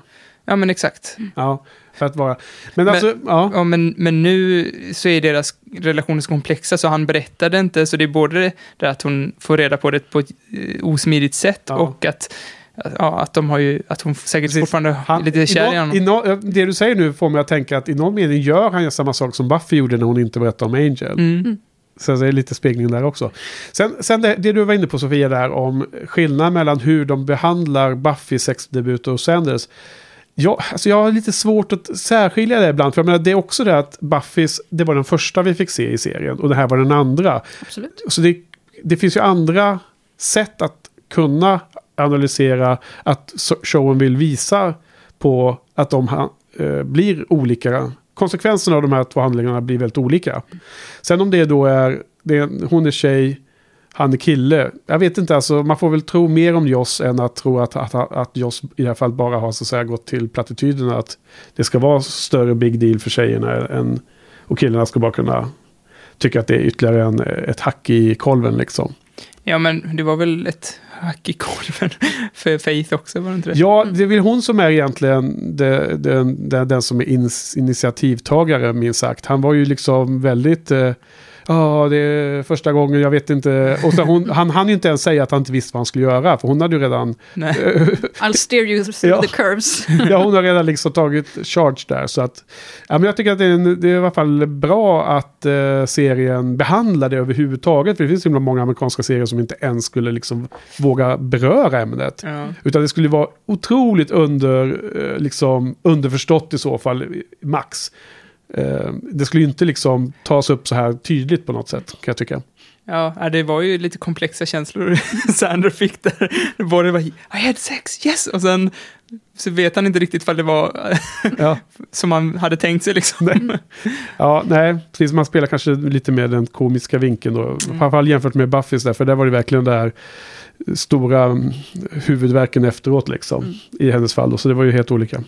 Nej, men alltså, givetvis så, så går det ju liksom att, vad ska jag säga, kanske inte övertolka, men liksom extremtolka väldigt mycket olika grejer som kanske inte alls, alltså det, det är inte den rimligaste tanken liksom kring, kring just den scenen. Och det måste jag ju ändå säga att, att just med, med den eh, sexscenen mellan Faith och San- Sander är ju att den flyter ju in väldigt bra i avsnittet. Alltså den Ja. känns ju inte det minsta forcerad. Nej. Så. Utan den, den faller sig ju liksom väldigt lämpligt Ja, när så- den kommer. Sen finns det en annan aspekt och det är någonting som vi har också kommenterat tror jag, jag och Johan flera gånger. Det är att saker som händer i ett avsnitt kan ha en konsekvens så himla långt efteråt. Så att egentligen kan man inte ha de här diskussionerna om varför behandlades eh, Buffys första sex eh, annorlunda än Sanders första sex förrän vi har sett alla sju säsongerna. För vi vet ju inte riktigt vad showen har i sitt sköte längre fram i, för att återkoppla till de här händelserna. Som det här exemplet nu då. Det kanske inte sker just den här gången men i många andra frågor. Men det kan vara intressant att diskutera och sen Ja, eh, och när se- man får svar på det längre fram. Absolut, ja, absolut.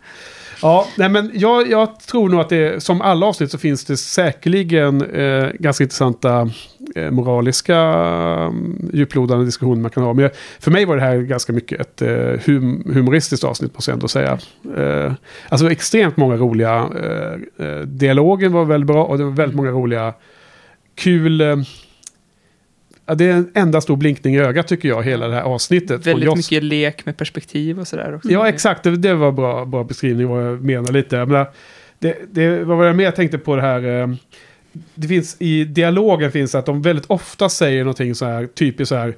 It's not the end of the world. Och sen nästa scen får vi se att de verkligen fightas mot det här Hellmouth. Och det är the end of the world om de förlorar. Och de leker hela tiden med den här Just den kommentaren tror jag återkommer flera gånger. Man måste Ja. klippa in något av de här. Jag tänkte också på musiken, det var väldigt lik den, när den här love-spellen som går fel. Jaha. Eh, då är det ju så här fioler som spelas och det känns nästan som Sanders, eh, hans ledmotiv lite grann, de här fiolerna som spelas. Ja, men känns liksom inte hela tempot väldigt mycket som den här Bewitched, Bothered and Bewildered? Ja, det är den du menar Alltså va? det här lite, det blir bara mer och mer hysteriskt Ja. liksom. Ja. Eskalerar fullkomligt. Jag, Ja. jag vet inte, jag älskar Lite de där det fiolerna. Ja, för det var ju det avsnittet du tänkte på, eller hur? Ja. Det lampspelen som Amy gör. Precis. Ja, ja absolut. Ja, Men sen, alltså jag tänkte också lite på att, att generellt sett så känns det ju som att nu i, i tredje säsongen så börjar ju handlingarna mer och mer ofta liksom röra sig från liksom den här high school-miljön. Men att det här avsnittet kändes ju ändå ganska fastrotat liksom i, i den här klassiska high school... Eh, fundering, liksom, ja, men vad är man beredd för att göra för att passa in och liksom behovet och viljan av att passa in och liksom Ja. vara populär och inte vara utanför och så vidare. Och så Så vidare. det var en liten återgång till... Ja, men lite så upplevde Ja. jag nästan. Ja, ja. Ja, eh, en, en liten annan spaning jag hade om jag får ta det. Eller hade du Ja. något här på tungan? Eh, Jag kan ta, jag har massa småpunkter. Så kör. Jag ska jag ta en liten småpunkt. Jag tyckte jag såg en liten eh, Star Wars-blinkning. Jaha, Såg ni det? nej jag tror inte det. Nej men eh, det är ju sådana här kvinnliga krigare som de... Allra första scenen är ju att hela gänget är nere i någon grotta och slåss mot några väldigt Mm. starka kvinnliga krigare. Mm. Var de flesta flyr undan så de blir inte dödade där. Det är ju då Sander ligger eh, liksom nedslagen under någon låda. Och, Han har väl gömt sig har till och inte med. kunnat eh, delta i alla fall. Och det är det de spelar på i det hela avsnittet sen. Att han är så himla o... Eh, eh, alltså, finns, han har ingen roll i gruppen och så. I slutet av avsnittet så jagar ju Sander en, den, en av de här zombiesnubbarna som han har fått på halsen. När han åker omkring med sin bil och de vill hijack, åka med honom. Och då springer de i en korridor in i skolan. Och han efter den här zombiekillen. Och sen helt plötsligt så kommer de tillbaka springande. För då har de stött på de här kvinnliga krigarna igen. Som återkommer då i slutet av avsnittet. Och liksom knyter ihop hela säcken. Och det är precis som den här scenen med Han Solo i Star Wars. När han jagar någon, en eller två stormtroopers. Och sen, sen så bara en sekund senare så kommer han ju springande i full galopp tillbaka. Så då är det ett helt gäng med Ja, stormtroopers just det. troopers Ja, men som, det har du helt rätt som, som, har, som jagar honom istället. Ja, Jag, jag tänkte typ på så här, Stefan och Krister-farser när de springer genom dörrar, du vet, fram och Ja. tillbaka. Ja.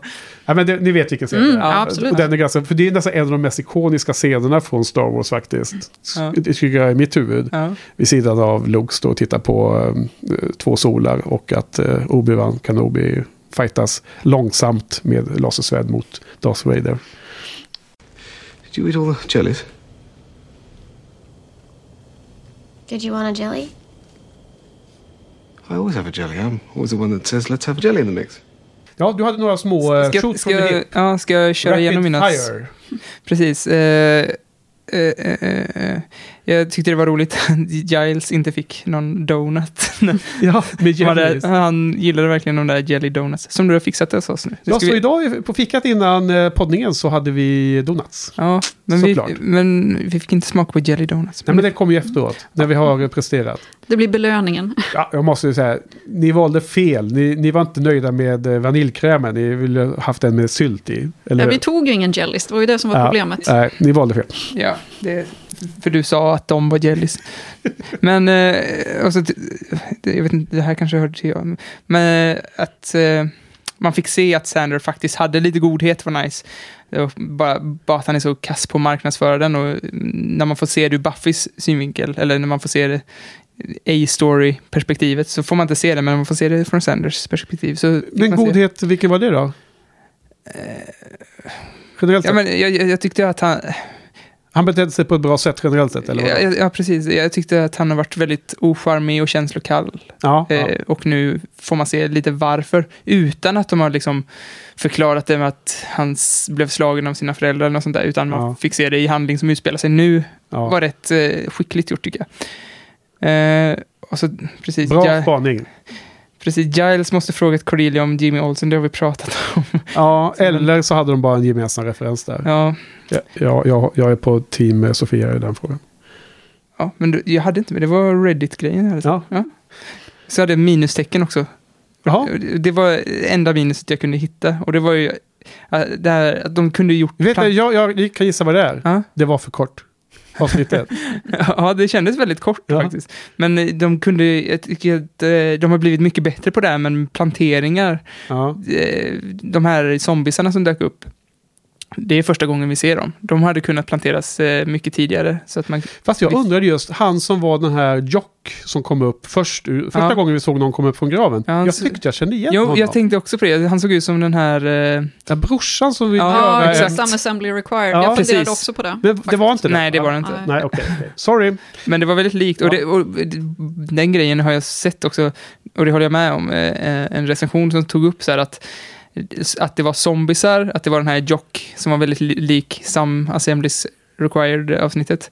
Och eh, alla situationer liksom har vi sett förut Ja. på något sätt. Eh, när, att re, återuppstå människor. Ja. Men, och det var bra för att för Sander var det här liksom skåpmat. Han visste vad han höll på med medan den här tjejen bara skrek och sprang Ja. därifrån. Men det kanske inte var så, det kanske var viktigt att det bara var några nya figurer som var ett hot som han var tvungen att ta hand om själv. Som inte var, han, han kände igen situationer men hade inte träffat dem specifikt och så tidigare. Det Nej. kanske var en del av storyn. Det kanske var viktigt att han inte skulle typ ha en gammal beef med dem. Nej, precis. Men att han ändå kände igen eh, Ja. vad det var för monster liksom. Ja, Hade det varit en helt ny typ av monster så hade det varit ja. en annan. Ja. Ja, men grejen är ju att på ett sätt så, så även, ja, de är zombies, men de är ju liksom inte monster egentligen. Jag menar, de hade ju kunnat vara ett, så att säga, levande killgäng som ändå hade bestämt sig för att spränga skolan. Ja. Så. ja. Så det Ja, viktiga det är- är ju inte att de är odöda egentligen. Nej, men jag tyckte ändå att det var ett bra val av odöda. Om man skulle välja Absolut. någon sorts odöd så var det bra val att välja några som de har haft med tidigare som Sander kände igen. Ja, ja. ja ehm, nu Sofia, du, du har förstått att vi eh, kommer avkräva ett betyg också. Absolut. Får Ja. jag dra två små Ja, grejer först bara? absolut först. Eh, Jag vill dub- dubbelkolla så du kunde förbereda dig. Ja då, jo men jag, har, jag är så förberedd så. Ja. Nej, men jag tänker en, en sån där grej som, som faktiskt var väldigt rolig också, just det här i och med att ja, men Sander försöker ju liksom hela tiden ta hjälp av de andra i Scooby-gänget och liksom fråga, ja men behöver ni ingen hjälp just för att han liksom ska kunna komma ur sin egen situation? Eh, och när han då liksom avbryter Buffy och Angel som liksom står där och har världens där romantiska diskussion om, åh jag kan inte se dig dö en gång till, liksom. Ja. och så är det sån här eh, totalt cheesy musik. Och, Ja. och jag tyckte liksom det var ganska härligt, därför att när Sander då kommer in och bara helt bryter den där stämningen, Ja. så markerar ju liksom serien på något sätt att ja, men vi är faktiskt medvetna om att deras relation är på gränsen till Ja. för cheesy. Ja, liksom. ja, Exakt. absolut. Alltså ja. han, det var verkligen så här cutting through the trick liksom, med hans avbrott där. För att sen direkt när han säger att okej, det här var en dålig, dålig timing av mig och liksom vänder och går därifrån, då kör ju liksom hela musiken och liksom Ja. deras omvälvande diskussion Jo, men det är jätteroligt att du lyfter den scenen, för det är precis det jag menar när, när showen blinkar till oss och säger att Mm. vi, vi vet att, att det här har gått för långt nu. Och så kommer vi överens om att ja, men då får vi köpa det också Mm. då. Men i och för sig till, till den saken hör väl kanske att just det här lilla ledmotivet som Sandra och Cordelia fick några gånger, det här som nästan var så här Titanic solstick. Ja, du liksom. menar den här stora musiken när de kysses hela ja, tiden? det tyckte jag var jätteroligt. Tyckte du det? Ja, för jag, jag, det var nästan så att det gick över gränsen för mig att jag tyckte att det tog en ur, ur, eh, ur storyn då vid de tillfällena. När det, Ja, nej, Spelades jag, upp. jag gillade det verkligen. det var liksom en sån sitcom med pålagda eh, skrattsalvor från publik liksom. Kändes det som för mycket. Ja, Eh, jo, och sen, eh, jag tyckte att det fanns också en liten callback till, inte bara Bewitched, utan även till Halloween-avsnittet. Just för att alltså, det handlar ju ändå om att hitta liksom någon slags identitet, och i Halloween-avsnittet så prövar ju liksom Sander på en annan identitet, ja. som han ju liksom sen inte kan behålla egentligen riktigt Nej, så. alltså Och här, ja. här, här lyckas han ju, här äger han ju mycket mer liksom sin, Ja, just eftersom absolut. han, han uppnår den av sig själv och inte liksom genom en magisk kostym. Men det finns ju också liksom likheter därför att i Halloween-avsnittet då får han ju som liksom, eh, soldat chans att slå ner den här killen som har mobbat honom. Men här lyckas han ju, vad ska jag säga, besegra besegra Jack och Tool på ett mycket mer vuxet sätt genom att liksom vänta ut honom och låta honom desarmera den Stare här. him down. Ja, men exakt, låta honom desarmera den här bomben. Och därmed så har han ju liksom då gjort sig förtjänt av liksom Ja, men- sitt, sitt identitetsskifte på ett sätt som han inte hade lyckats göra liksom i halloween-avsnittet. Ja, precis. Nej, för han, han vinner ju en chick... Det är, de, är ju, de kör en sån här chicken race mot Mm. varandra. Det är ungefär som liksom, vilken viker sig först om man åker... Crybaby. Ja, vad heter den här... ehm, ja, här biltävling mot varandra. Ja, men liksom. det är Crybaby. Det, det är precis samma. Är det? Mm. Ja, när de sitter, ligger på taket så här. Mm. Jaha. Nej, jag, Kör- menar när man åker, mot- jag bara menar att man åker mot varandra. Vem är det som väjer? Ja. Ja, men de, li- extra de grejen de i ska Crybaby uppa. är att de ligger på taket också. Vilka är de? Crybaby och, ja men, den elaka, är det elaka snygga killen. Crybaby, John Waters-filmen med Johnny Depp. Johnny Depp eh, Ja, ligger men på det, taket. ja, ja, men nu är jag helt lost. Det är därför. Jag, jag trodde ni pratade om någon form av... Det, det, är ett chicken, det är ett vanligt chicken race, men de, de Ja. ska vara värst och så ska de ligga på taket jag samtidigt som förstår, man chicken jag förstår, men Vilket jag, är helt konstigt, för det är inte förstår. de som kör då. jag, bara, jag bara trodde att det var ett annat vedertaget uttryck som man skulle känna till, just ordet. Men jag känner igen filmtiteln, men det har inte jag sett. Jag är inte så förtjust i uh, John Waters. Johnny Depp, tänkte jag säga. Okej. Nej, men det, det där är ju också sådär, det är ju parodi på den genren lite grann. Ja, Så det är rätt roligt. genren var då 50-talsfilm? Grease, typ. Ja, ja Den okej. typen så. av filmer. Ja, ja okej, men ska vi eh, wrap it up och se vad betygsmässigt och så då? Jag, ska jag börja? Jag, jag tyckte det här var superbra, verkligen. Mm. Och, och samma, samma förtjusta fnitter runt det här avsnittet som jag hade för tio år sedan när jag såg eh, serien första gången. Eh, så det var en återupptäckt eh, lika bra nu. Så jag ger en åtta av tio. Ja, jag, som vi har sagt tusen gånger, jag älskar att de blinkade och så här, vi vet att vi har gått, nej, relationen är tjatig och det är alltid over 9000 när man ska rädda världen. Ja. Och, och man får, och nu, nu gillar jag Sander igen. Asbra. Nu, alltså Ja. det, jag tyckte det är det bästa eh, avsnittet eh, i säsongen. Så det är Okej. 9 av 10 för mig. 9 av 10. Oj. Ja, oj. Sofia då? Mm. Ehm, alltså det var jättekul att märka hur mycket det växte. Alltså det blev bara bättre och bättre för varje gång jag såg om det kan jag säga. Ja. Ehm, men jag är nog kanske ändå lite snål. Jag sätter inte mer än en sjua i alla fall. Nej. Men det var ett bra avsnitt. Vi har ju dålig koll på din eh, relativa skala, skala, men det är ju högt i vilket fall, 7 av 10. Ja, typ 9 av 10. Ja, det kan vara. I en annan skala. Ja, men vad säger ni? Ska vi gå vidare? Ja. Of course, training procedures have been updated quite a bit since your day. Much greater emphasis on field work. Really? Oh, yes. Not all books and theory nowadays. I have, in fact, faced two vampires myself. Under controlled circumstances, of course. You're in no danger of finding those here. Vampires? Controlled circumstances. Hello, Buffy. Well. Hello.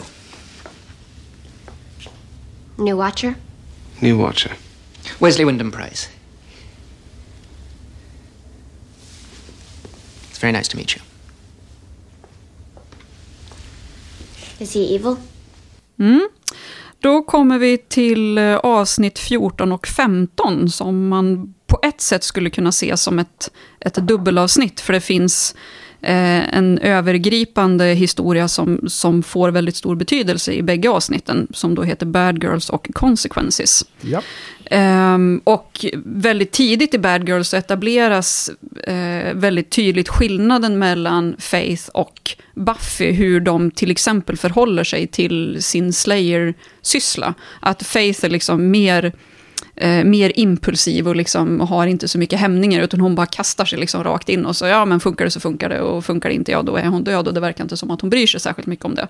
Medan Buffy vill gärna liksom fundera lite, planera lite, är liksom mer den här, hon vill ha en plan helt Ja. enkelt innan de liksom bara kastar sig rakt in i striden. Och eh, det här får då konsekvenser för eh, när de är ute och eh, ska dasta lite vampyrer. För samtidigt som Buffy då har blivit liksom lite lockad av den här frihetskänslan som, som Faith liksom ändå kan ge henne i sin, sin attityd till, till eh, tillvaron överhuvudtaget. Ehm, så får det ju väldigt snabbt tydliga effekter av just det här att kanske inte ha en plan därför att eh, det kommer en människa i vägen helt enkelt. Och eh, Faith hugger honom med en påle i hjärtat. Usch. Så att han dör. Ja. Mm. Och det är ju liksom den första, den första vanliga människan så att säga, som, som ju har dött i samband med eh, Buffys Slayer-syssla, där hon på något sätt ändå känner sig mer eller mindre ansvarig liksom, Ja. för, för det som har hänt. Fast det var Faith som ju, Fast det gjorde var Faye som gjorde det, absolut. Ja. Ehm, och det som ju sen då blir, blir viktigt är ju liksom hur Faith hanterar det som har hänt. Därför att Buffy blir då mer och mer ehm, förfärad, får man väl nästan säga, över att Faith faktiskt inte verkar bry sig om att det här har hänt. Utan hon säger, ja, men det, det, är sånt, som- det är sånt som händer i Slayer-branschen helt enkelt. Ehm, och i slutet då på Consequences så ehm, håller ju Buffy nästan på att dö. Eller ja, hon håller på att dö många gånger under, under de här avsnitten känns det som. Eh, på grund bland annat av liksom att Faith ehm, är lite, lite vårdslös, får man väl ändå säga. Ja. Ehm, och jag upplever att, att här kommer det ju väldigt tydligt, det, alltså ett, ett tema som ju har, har funnits med redan tidigare och som blir hittills kanske har varit absolut tydligast när det gäller Angel. Just det här att um, alla de här olika demonerna och då Angel när han liksom är utan sin mänskliga själ, att demonerna blir någon slags antites till vad det innebär att vara människa. Därför att när Angel har sin mänskliga själ, då, då kan han ju liksom känna ånger. Och han har liksom, den här ångern gör att han på något sätt har ändå ett incitament att liksom kontrollera sitt beteende. Och Faith blir ju nästan den första människa vi har träffat på, som faktiskt inte liksom har, har den här känslan av eh, kontroll och ansvar och samvete. Vi har ju tidigare kallat henne för reckless flera gånger. Ja. Men, men eh, nu så säger de ju uttryckligen att, att eh, hon, hon vägrar ju, alltså hon, i, i avsnittet som då kallas för konsekvenser så säger man ju liksom flera gånger att det handlar inte bara om att hon är vårdslös, utan hon vägrar ju liksom ta ansvar för det hon har gjort. Och Buffy hon är liksom 100% ansvar. Ja. Det är ju lite som det hon är, känns det som. Och samtidigt så, så innan, innan det här händer så är det ju liksom inte så svårt att förstå att, att Buffy ändå liksom blir lockad av Faiths inställning. When are you gonna get this, B? Life for Slayer is very simple. Want, take, have. Som är typ, hur uttrycker hon det? Want, take, have. Ja. Nej, men att, att för när, när eh, Buffy har pratat med andra hittills om liksom det faktum att hon är Slayer, så är det ju antingen så har ju reaktionen blivit, nej men gud vad jobbigt det måste vara för dig. Eller i förhållande till Kendra då, att ja, men det är bara plikt och man måste liksom göra si och man måste göra så. Medan Faye säger liksom, fan vad coolt, vi kan göra vad vi vill. För att vi kan. Ja, nej så att eh, mycket tydligt dubbelavsnitt. Eh, Jag vet inte om eh, man generellt sett definierar det som ett dubbelavsnitt, men det är ju uppenbarligen ett avsnitt som hör ihop.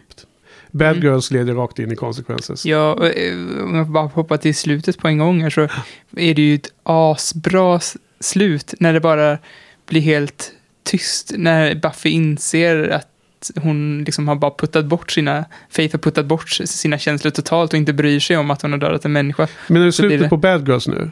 Exakt. Det första avsnittet? Ja. För slutet på det andra är också svinbra.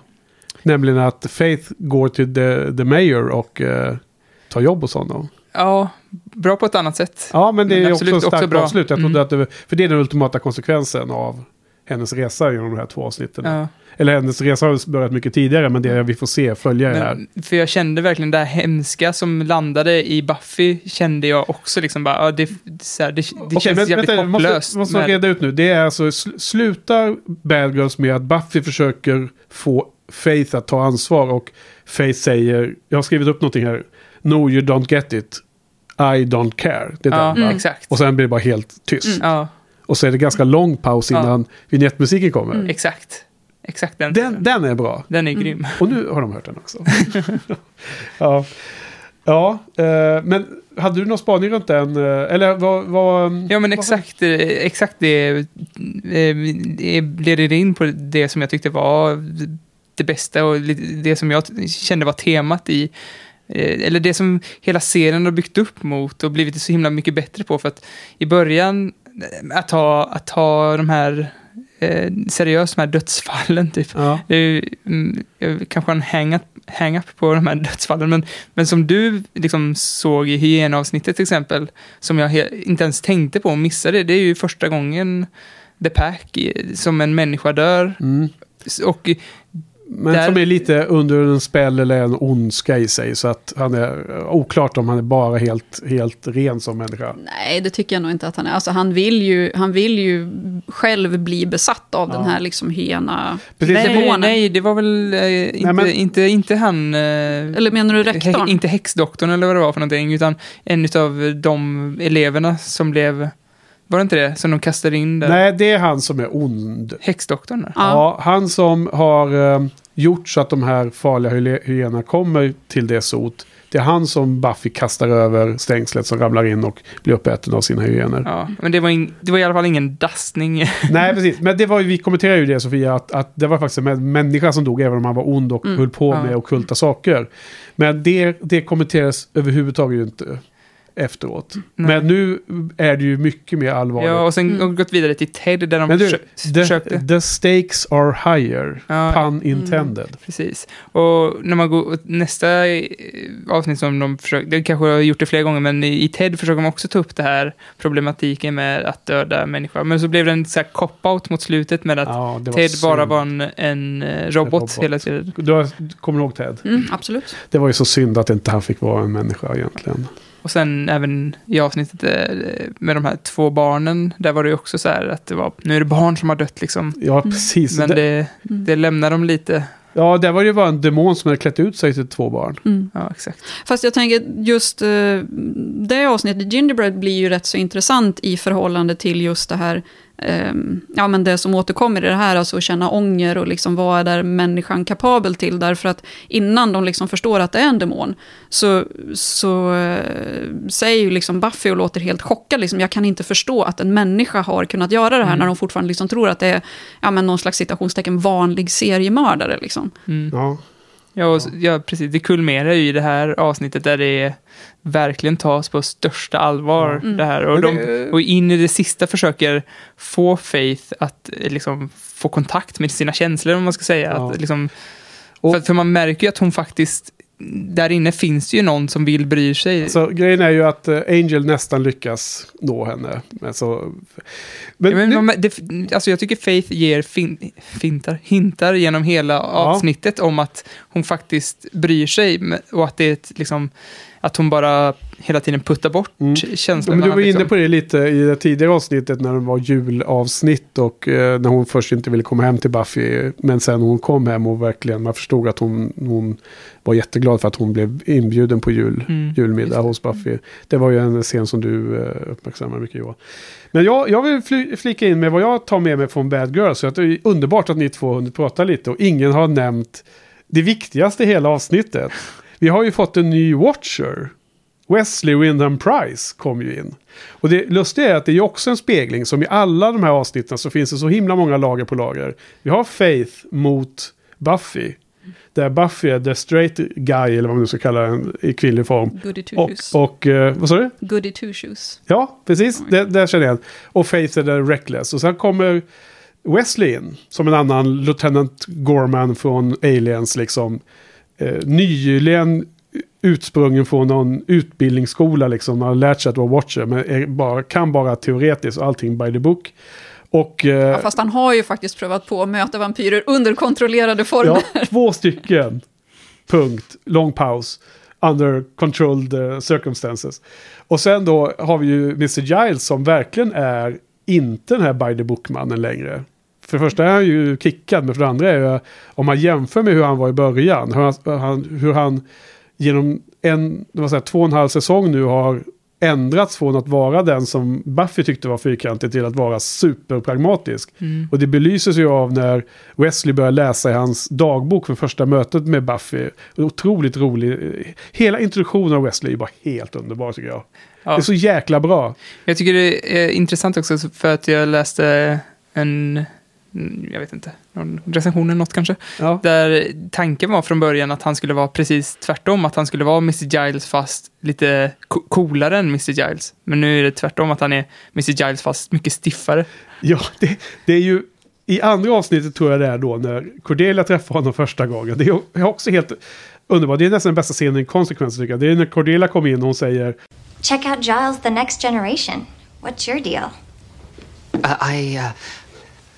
Well, I'm. a New Watcher. Oh, does everybody know about you? She's a friend. let's not exaggerate. So, you're the new Watcher. Wesley Wyndham Price. I like a man with two last names. I'm Cordelia. And you teach psychology.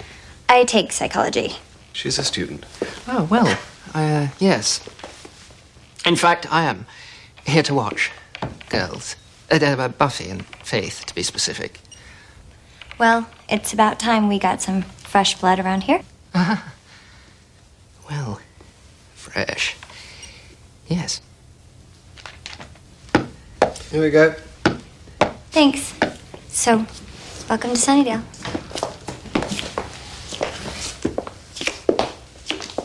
My.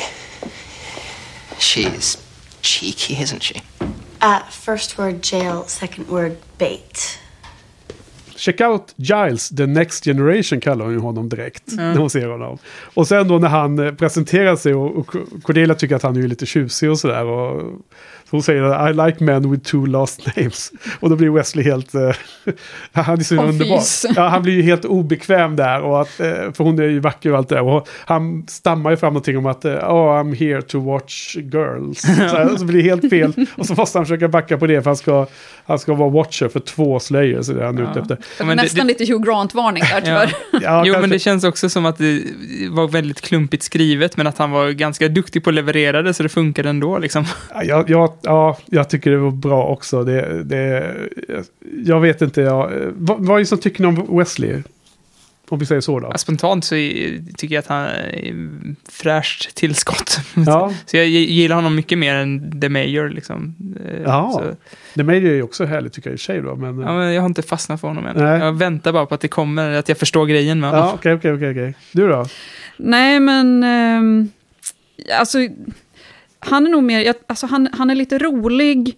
Och det främsta syftet egentligen är ju att han ska visa på hur mycket relationen mellan Buffy och Giles har utvecklats. Ehm, men sen så blir det ju, alltså jag menar redan i Bad Girl så blir det ju liksom tydligt att han är ju inte en värdig medlem av gänget i och med att när de blir ju tillfångatagna och just i det här avsnittet så finns det ju då en, en eh, mini-Big Bad eller vad man ska säga. Ja, den här vältränade snubben. Ja, men exakt. Eh, demon- Ironi var det där. Demonen Balthazar. Nej, men så är Han ju, är ju Wesley med en gång liksom beredd att köpslå med den här demonen Ja, för att liksom slippa undan. Långt ifrån en värdig medlem. Jag ser honom bara som en, liksom... Pain in the ass eller? Ja, Ja, men lite Ja. så. Och det vet vi ju liksom från eh, den obligatoriska Harry Potter-referensen, att är det liksom någonting som är absolut no-no, så är det ju liksom att förråda sina vänner, och det är ju i princip det han gör med en gång. Ja. ja. Så att eh, det känns som att redan där så har de ju på något sätt bestämt sig för att han kommer nog inte bli Men särskilt jag, långlivad. såg, jag, Ja. jag såg honom nästan som en onding eftersom han kom från Watchers Council nu. Alltså, nu kommer en ond kille som ska vara, liksom, infiltrera Ja, du, du, du tänker dem. på bilderna på Watchers Council från, eh, eh, från eh, ja, eh, förra avsnittet. Ja. Helt enkelt. Vad heter det? Gwendolyn Post tänker du på? Eller, Nej, nej, nej. eller Men, han Quentin? nej, nej. Men vad förra avsnittet vi pratade om Ja, alldeles nyss. Helpless. Helpless, ja. Att, att de är liksom, det Mm. kan inte vara något bra som kommer därifrån. Nej. Men nu, ja, eh, det håller jag med om. Jag tycker bara att han är så himla frisk fläkt och det är humorn runt det hela här är ju så underbar. Men du Jag- fick, ja, Nej, jag tänkte bara att det- jag, det gjorde näst, för mig gjorde det humorn större att jag såg honom som ett sånt stort hot och då blev de här humorsituationerna mycket roligare för att det var lite som en lättnad liksom att han är inte så farlig som jag trodde. Typ. Nej, alltså jag känner ju att det bara kryper under huden på när man hejar så mycket på Mr. Giles som jag gör. ja. Det är bara att erkänna och då är ju det här är Han har- precis som Han har sick burns i, mot honom. Va? Vad sa du? Han har väldigt många bra burns till Ja. eh, Wesley eller vad han heter. Ja, eh, Nästan lite förvånande att han liksom så, eh, vad ska jag säga, så, så uttryckligen går emot Ja, Wesley hela tiden. Och liksom är lite småtaskig mot honom sådär. jag fattar inte, är han också bibliotekarie nu eller va- varför? nej, nej, men, för, men, men vad säger Snyder om att han hänger på biblioteket? Jo, men är inte det också en sån där grej som man bara får ta, liksom att det, det, var, det var viktigt för att liksom skapa en beef under en period mellan Snyder och, och Giles, så då fick liksom Snyder... vad, vad är det ni pratar om nu? Jo, men just alltså hur kan de motivera att Wesley hänger på skolan hela tiden när Giles Ja. fortfarande är kvar som bibliotekarie? Det känns som att det är liksom en sån där grej man bara får ta. Det, det vet nog inte Snyder om så mycket skulle jag tippa. Han är väl bara där på besök då och då. Men, men eh, kom ihåg att jag var så orolig över att de brände upp en hel del av böckerna i avsnittet när de skulle brännas på bål där, Gingerbread. Ja. Nu hade ju Wesley med sig massor med böcker såg jag i den här scenen jag såg eh, Bad Girls den här gången. Så jag, jag blev lite så här, yes, ah, de har besvarat den frågan. Frågan. Ja, Rent informationsdokumentationsmässigt så känns det ju som att de är fortfarande väldigt mycket old school. Ja, men det ska de vara i en sån här värld. Men jag måste bara säga det innan jag helt glömmer av det. Du nämnde Harry Potter, då började jag tänka på det där. Vem är Wesley i Harry Potter? Och eh, mitt svar är egentligen den här storebron Weasley. Eh, som, eh, Ah, jobb, som jobbar för eh, The Minister of Magic och förråder hela den goda sidan ju genom att köra allting by the book. Det kanske är, han, han spelas ju inte humoristiskt överhuvudtaget i Harry Potter. Men de har lite samma, de har lite samma position i, på schacks, pjä- schacks, schackplan kan man säga. Men eh, för ni sa det här, det är underbart att se Buffy och Mr. Giles ihop i perspektivet att de har fått en gemensam yttre fiende. De har haft sina ups and downs nu under säsong tre. Nu kommer Wesley in. Bara den här kommentaren liksom, Buffy säger direkt New Watcher. Det är liksom, hon ser direkt och han, han bara suckar New Watcher säger Mr. Giles. Och så, Is he evil? Den, den, den, den uppföljningsfrågan är så himla bra. Och liksom Wesley fattar ingenting. Så här, för då är det ju helplöst de, de tänker på uppenbarligen. Och sen då när han ställer sig där bredvid Wesley och ska liksom, han börjar nästan, för allting han säger är ju nästan att han försöker föreläsa för dem. Och han ska ju liksom upp, eh, informera dem om, för han är den nya Watchen, det är han som är i command tycker han Det var ju. väl inte Helpless han tänkte på? Jo, men det- nej, jag tror att det är Revelations. Nej, i Gwendolyn första ja. eh, Gwendolyn, ja just det. Eh, Vad dum jag är. Det är klart att det är för att hon var ju verkligen evil. Då. Hon var ju Mm. rogue, rogue, eh, rogue eh, watcher som har... Ja. Ja, Det känns som ibland har de lite dålig koll liksom, på alla som rör sig omkring här, de här Watchers Council. Ja, det var kanske en ganska dålig... Att, att Mr. Giles skulle ha missat att kolla upp henne. Men åter till det här, den scenen där att han, han, han vill ju försöka ta, take charge. Och, och han, han lyckas ju inte med sin egen eh, kunskap eller karisma. Så han får ju senare i avsnittet liksom uttala att jag är den nya watchen, ni måste lyda mig. Men i första scenen när han står där och ska försöka vara liksom pompös, då, då, då, står han och då både, vad heter det, Mr. Giles och Buffy lutar sig bort från honom helt synkron. För de, de sitter bredvid varandra på, en, eh, på, på bordet tror jag, på kanten. Och så ser man hur båda lutar sig bortåt. Det är så här supersmå detaljer som man bara tycker är underbart när man ser den här serien om igen och kan, kan se, titta efter de Ja. här små, små vet ni vilken scen jag... Ja, absolut. Jo. La ni märke till deras Ja. synkrona rörelser där? Och jag menar innan det så har de ju liksom suttit bägge två med, alltså så här, koppla ihop fötterna i kors och liksom sitta och liksom svänga lite med benen så där på bordsänden också. Så att liksom de, de rör sig ju väldigt synkront. Ja, ja. ja. och sen då... ehm, Ja, i övrigt så, så, så tycker jag att det första avsnittet Bad Girls är klart bättre än Consequences. För Consequences är mycket allvarliga, eller allvarligare. Allvarlig. Det är för mycket viskar nu. Nej, men eh, vad, vad tycker ni? Ja, det, så är det nog. Eller?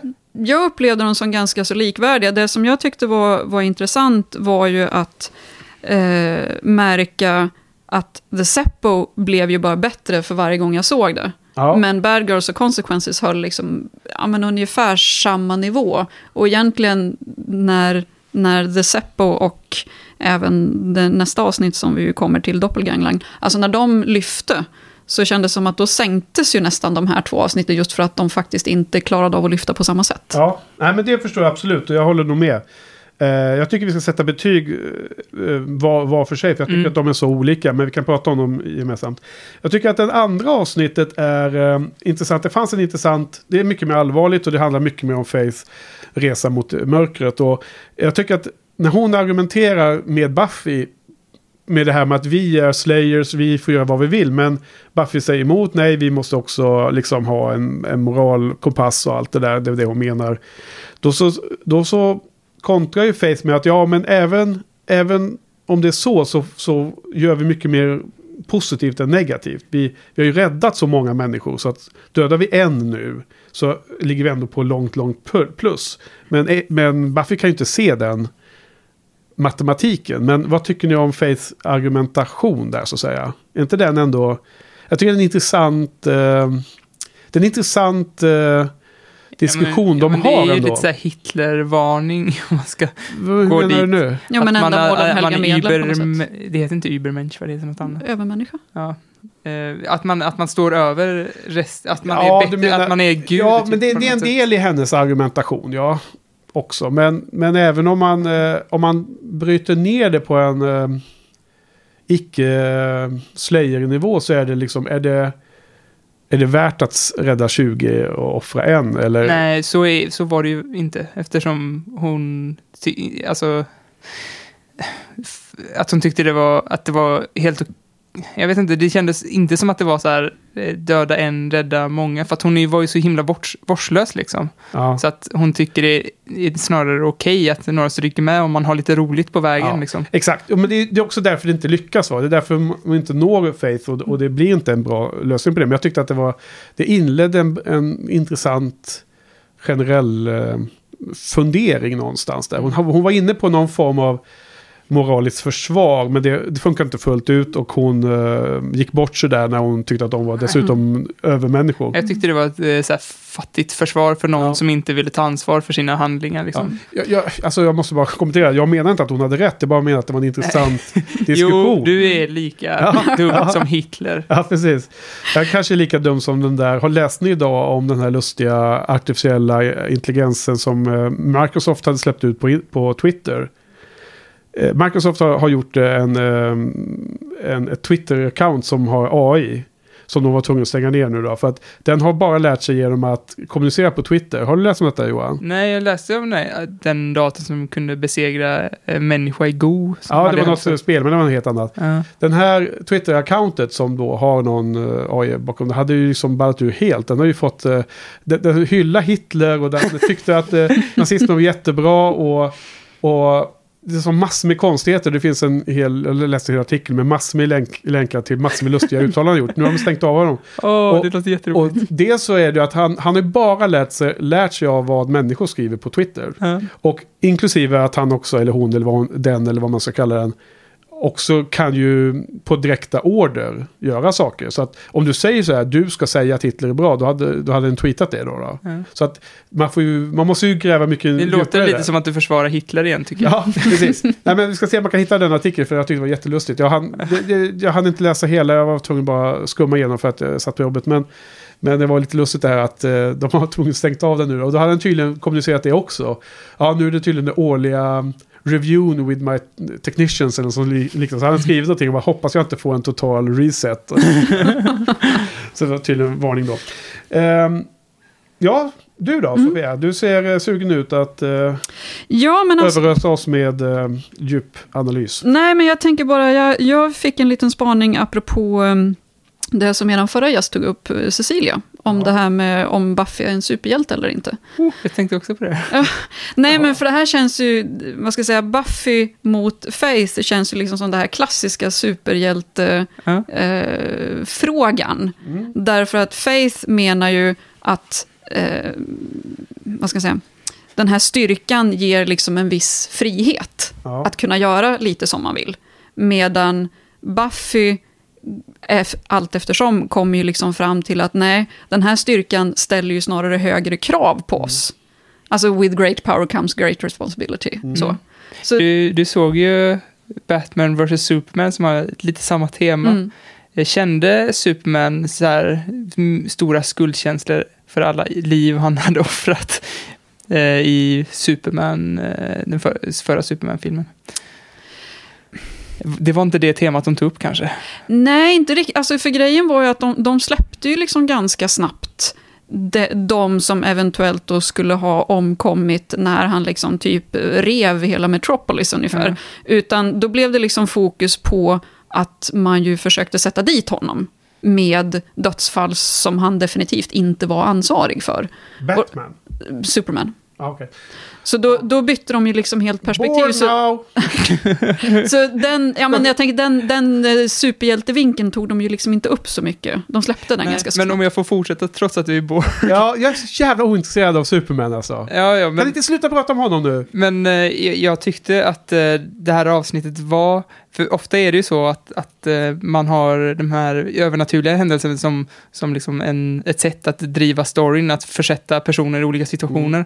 Men här är det tvärtom, vad hade, eller inte tvärtom, men ett annat perspektiv, att vad hade hänt om tonåringar får superkrafter på riktigt. Ja. Och, och det här är ju helt möjligt, eh, något som hade hänt, för, eftersom man inte utvecklar sin empati 100% och sådär. Och det var intressant att se att Faith eh, betedde sig som en tonåring. Ja. Det var ju, om man nu ska gå in på det här med utveckling av hjärnan. Det är ju upp till, högt upp i tonåren som uh, unga människor har mycket större benägenhet att ta risker än när man blir över 20 någonting. 25 eller whatever. Vilket uh, Faith uppenbarligen uppvisar här när hon hoppar ner i manhålet eh, helt utan att tänka sig för. Och, och Buffy har ju på något sätt fått en äldre människas ansvarskänsla mycket tidigt i livet. Mm. Vad heter det? Får jag ta en helt annan vinkel? Mm. Eh, för jag, jag, tyckte då som sagt att Bad Girls var väldigt mycket det här med eh, Wesley, den nya Watchen. Och det var lite roliga scener även när Cordelia träffade honom. Men annars så tyckte jag att den andra, eh, egentligen, det andra avsnittet, Consequences då, när Faith, när de skobisarna försöker rädda Faith, försöker få henne att inse vad hon gjort och ta ansvar för vad hon gjort och börja jobba med sig själv utifrån det och även i gruppen. Hon hade fått stöd, hon hade fått uh, support och alla hade kunnat uh, hjälpa henne. Eh, men hon vågar aldrig ta det steget ju. Nej. Hon är så självgående. Hon har också levt i eh, Cleveland och eh, kanske haft det här med sin watcher som blir dödad och allting. Hon, hon, hon är en self-reliant, tycker jag det hela är. Jag tycker det var väldigt intressant, för det finns en, en till Star Wars-referens här. Som, Precis som det var förra avsnittet vi pratade om någon som har sett någonting? Nej, det är ju så mycket som händer. Nej, det är otroligt långsökt dess, dessutom. Jag har en Star Wars-referens som jag inte själv i alla fall tycker är så himla långsökt, men jag tror inte att det är samma som du har. Nej, jag, jag tänker på referensen i Star Wars är Han Solo shot first. Ni vet kontroversen mm. med omklippningarna. Mm. Sköt han, eh, eller Greed då han sitter mittemot där på mm. baren. Mm. Eller vad det är. Jag tycker det är samma typ av frågeställningen här. Vem är det som går först av Buffy och Faith till Mr. Giles och avslöjar vad som har hänt? Därför att här så är det... Eh, det har varit mycket bättre tycker jag. Men jag förstår att det fanns vissa konsekvenser i, i storyn. I, berätt, I tekniken att berätta det här. Om Buffy hade gått först. Och, och berättat det till eh, Mr. Giles först. Yeah. Men mm. nu eh, låter de Faith förråda Buffy före Buffy förråder Faith. Därför att Faith är den som ska förlora sig. Det hade blivit ja. ännu mer komplext om Buffy hade gått till Mr. Giles först. Det hade blivit mer problematiskt, att, för då hade Faith verkligen blivit förrådd också. Det hade, att, att putta henne mot det mörka hade varit ännu mer tydligt. Ja. Det är samma typ av moralkaka som George Lucas inte ville behandla sig med när han klippte om scenen så att han Solo inte sköt först. Han ville inte befläcka hans Solo med den skulden. Mm. Och samma sak här lät man Faith, som är den som är illa ute moraliskt, är den som försöker blåsa Buffy ja. i den scenen. Ni vet ju där när... Mm. Mr. Giles har ju underbart nog direkt sett igenom detta. Ja. Det, det jo, men, jo, men det är det jag tänker att, att själva poängen egentligen med den... Med, um, det förrådandet från Faith är kanske egentligen inte att visa på vilken dålig människa hon är, utan hur mycket, återigen, relationen mellan Buffy och Giles har växt. Ja. I det att han liksom en gång ser igenom Faiths lögner. Ja, alltså, jag, jag, tycker att man blir helt varm inombords när man ser den relationen som mm. Giles och Buffy har där. För att hon är bokstavligen tårögd för i panik över hur hon ska kunna få honom att förstå att hon inte har utfört den här eh, mordet på den här människan. Och Mr. Giles, det är inte ens en issue. Alltså jag tycker din, det är helt över jag tycker innan... din tankelek där var så jävla bra. Och samtidigt tyckte jag det här var en av de, mina favoritscener i, i det här avsnittet.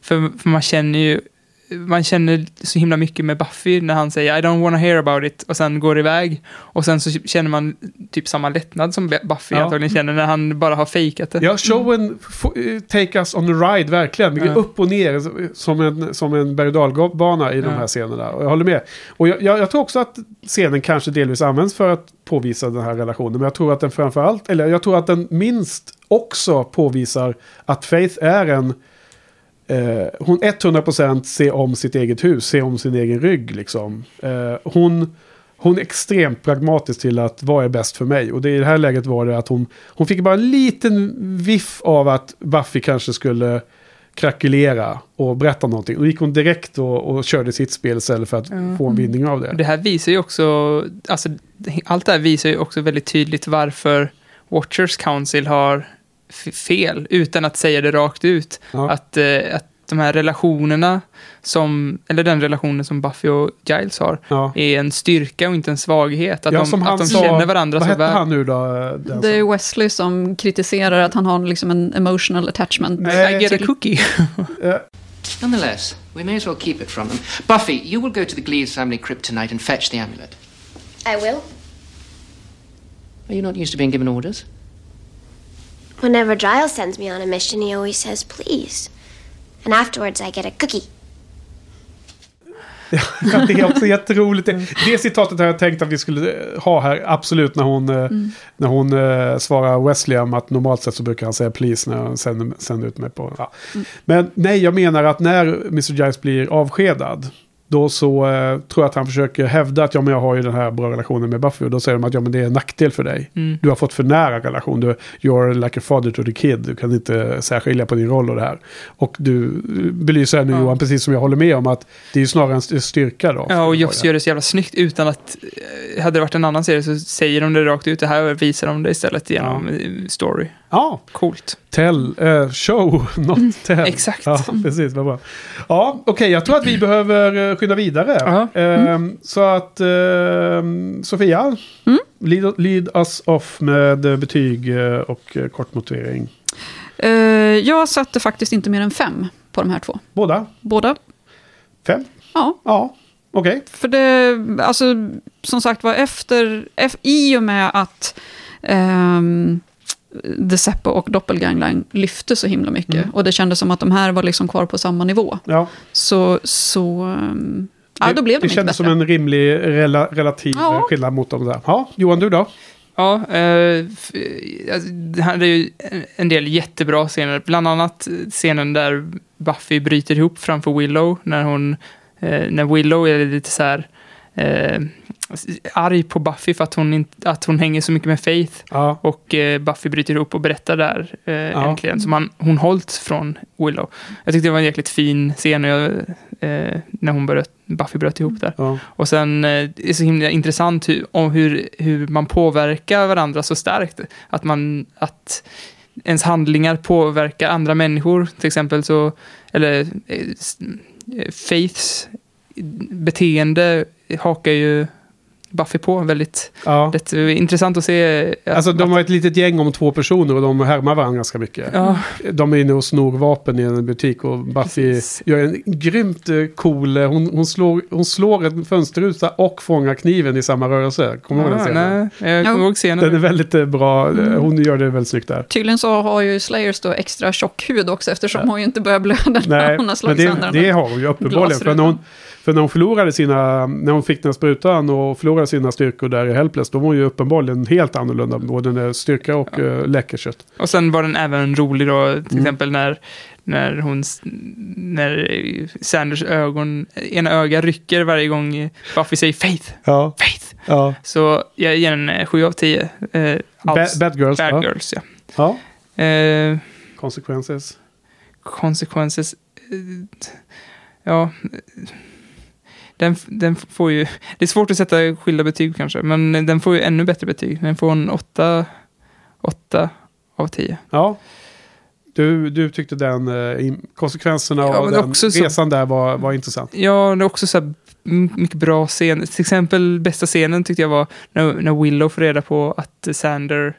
Jag vet att du inte gillar när jag berättar, återberättar scenen, men Nej. när Willow får reda på att eh, Sander bonkat på, eller Ja. snarare Faith bonkat på Sander, Ja. så When did you guys hang out? Oh, She was fighting one of those uh, apocalypse demon things, and I helped her.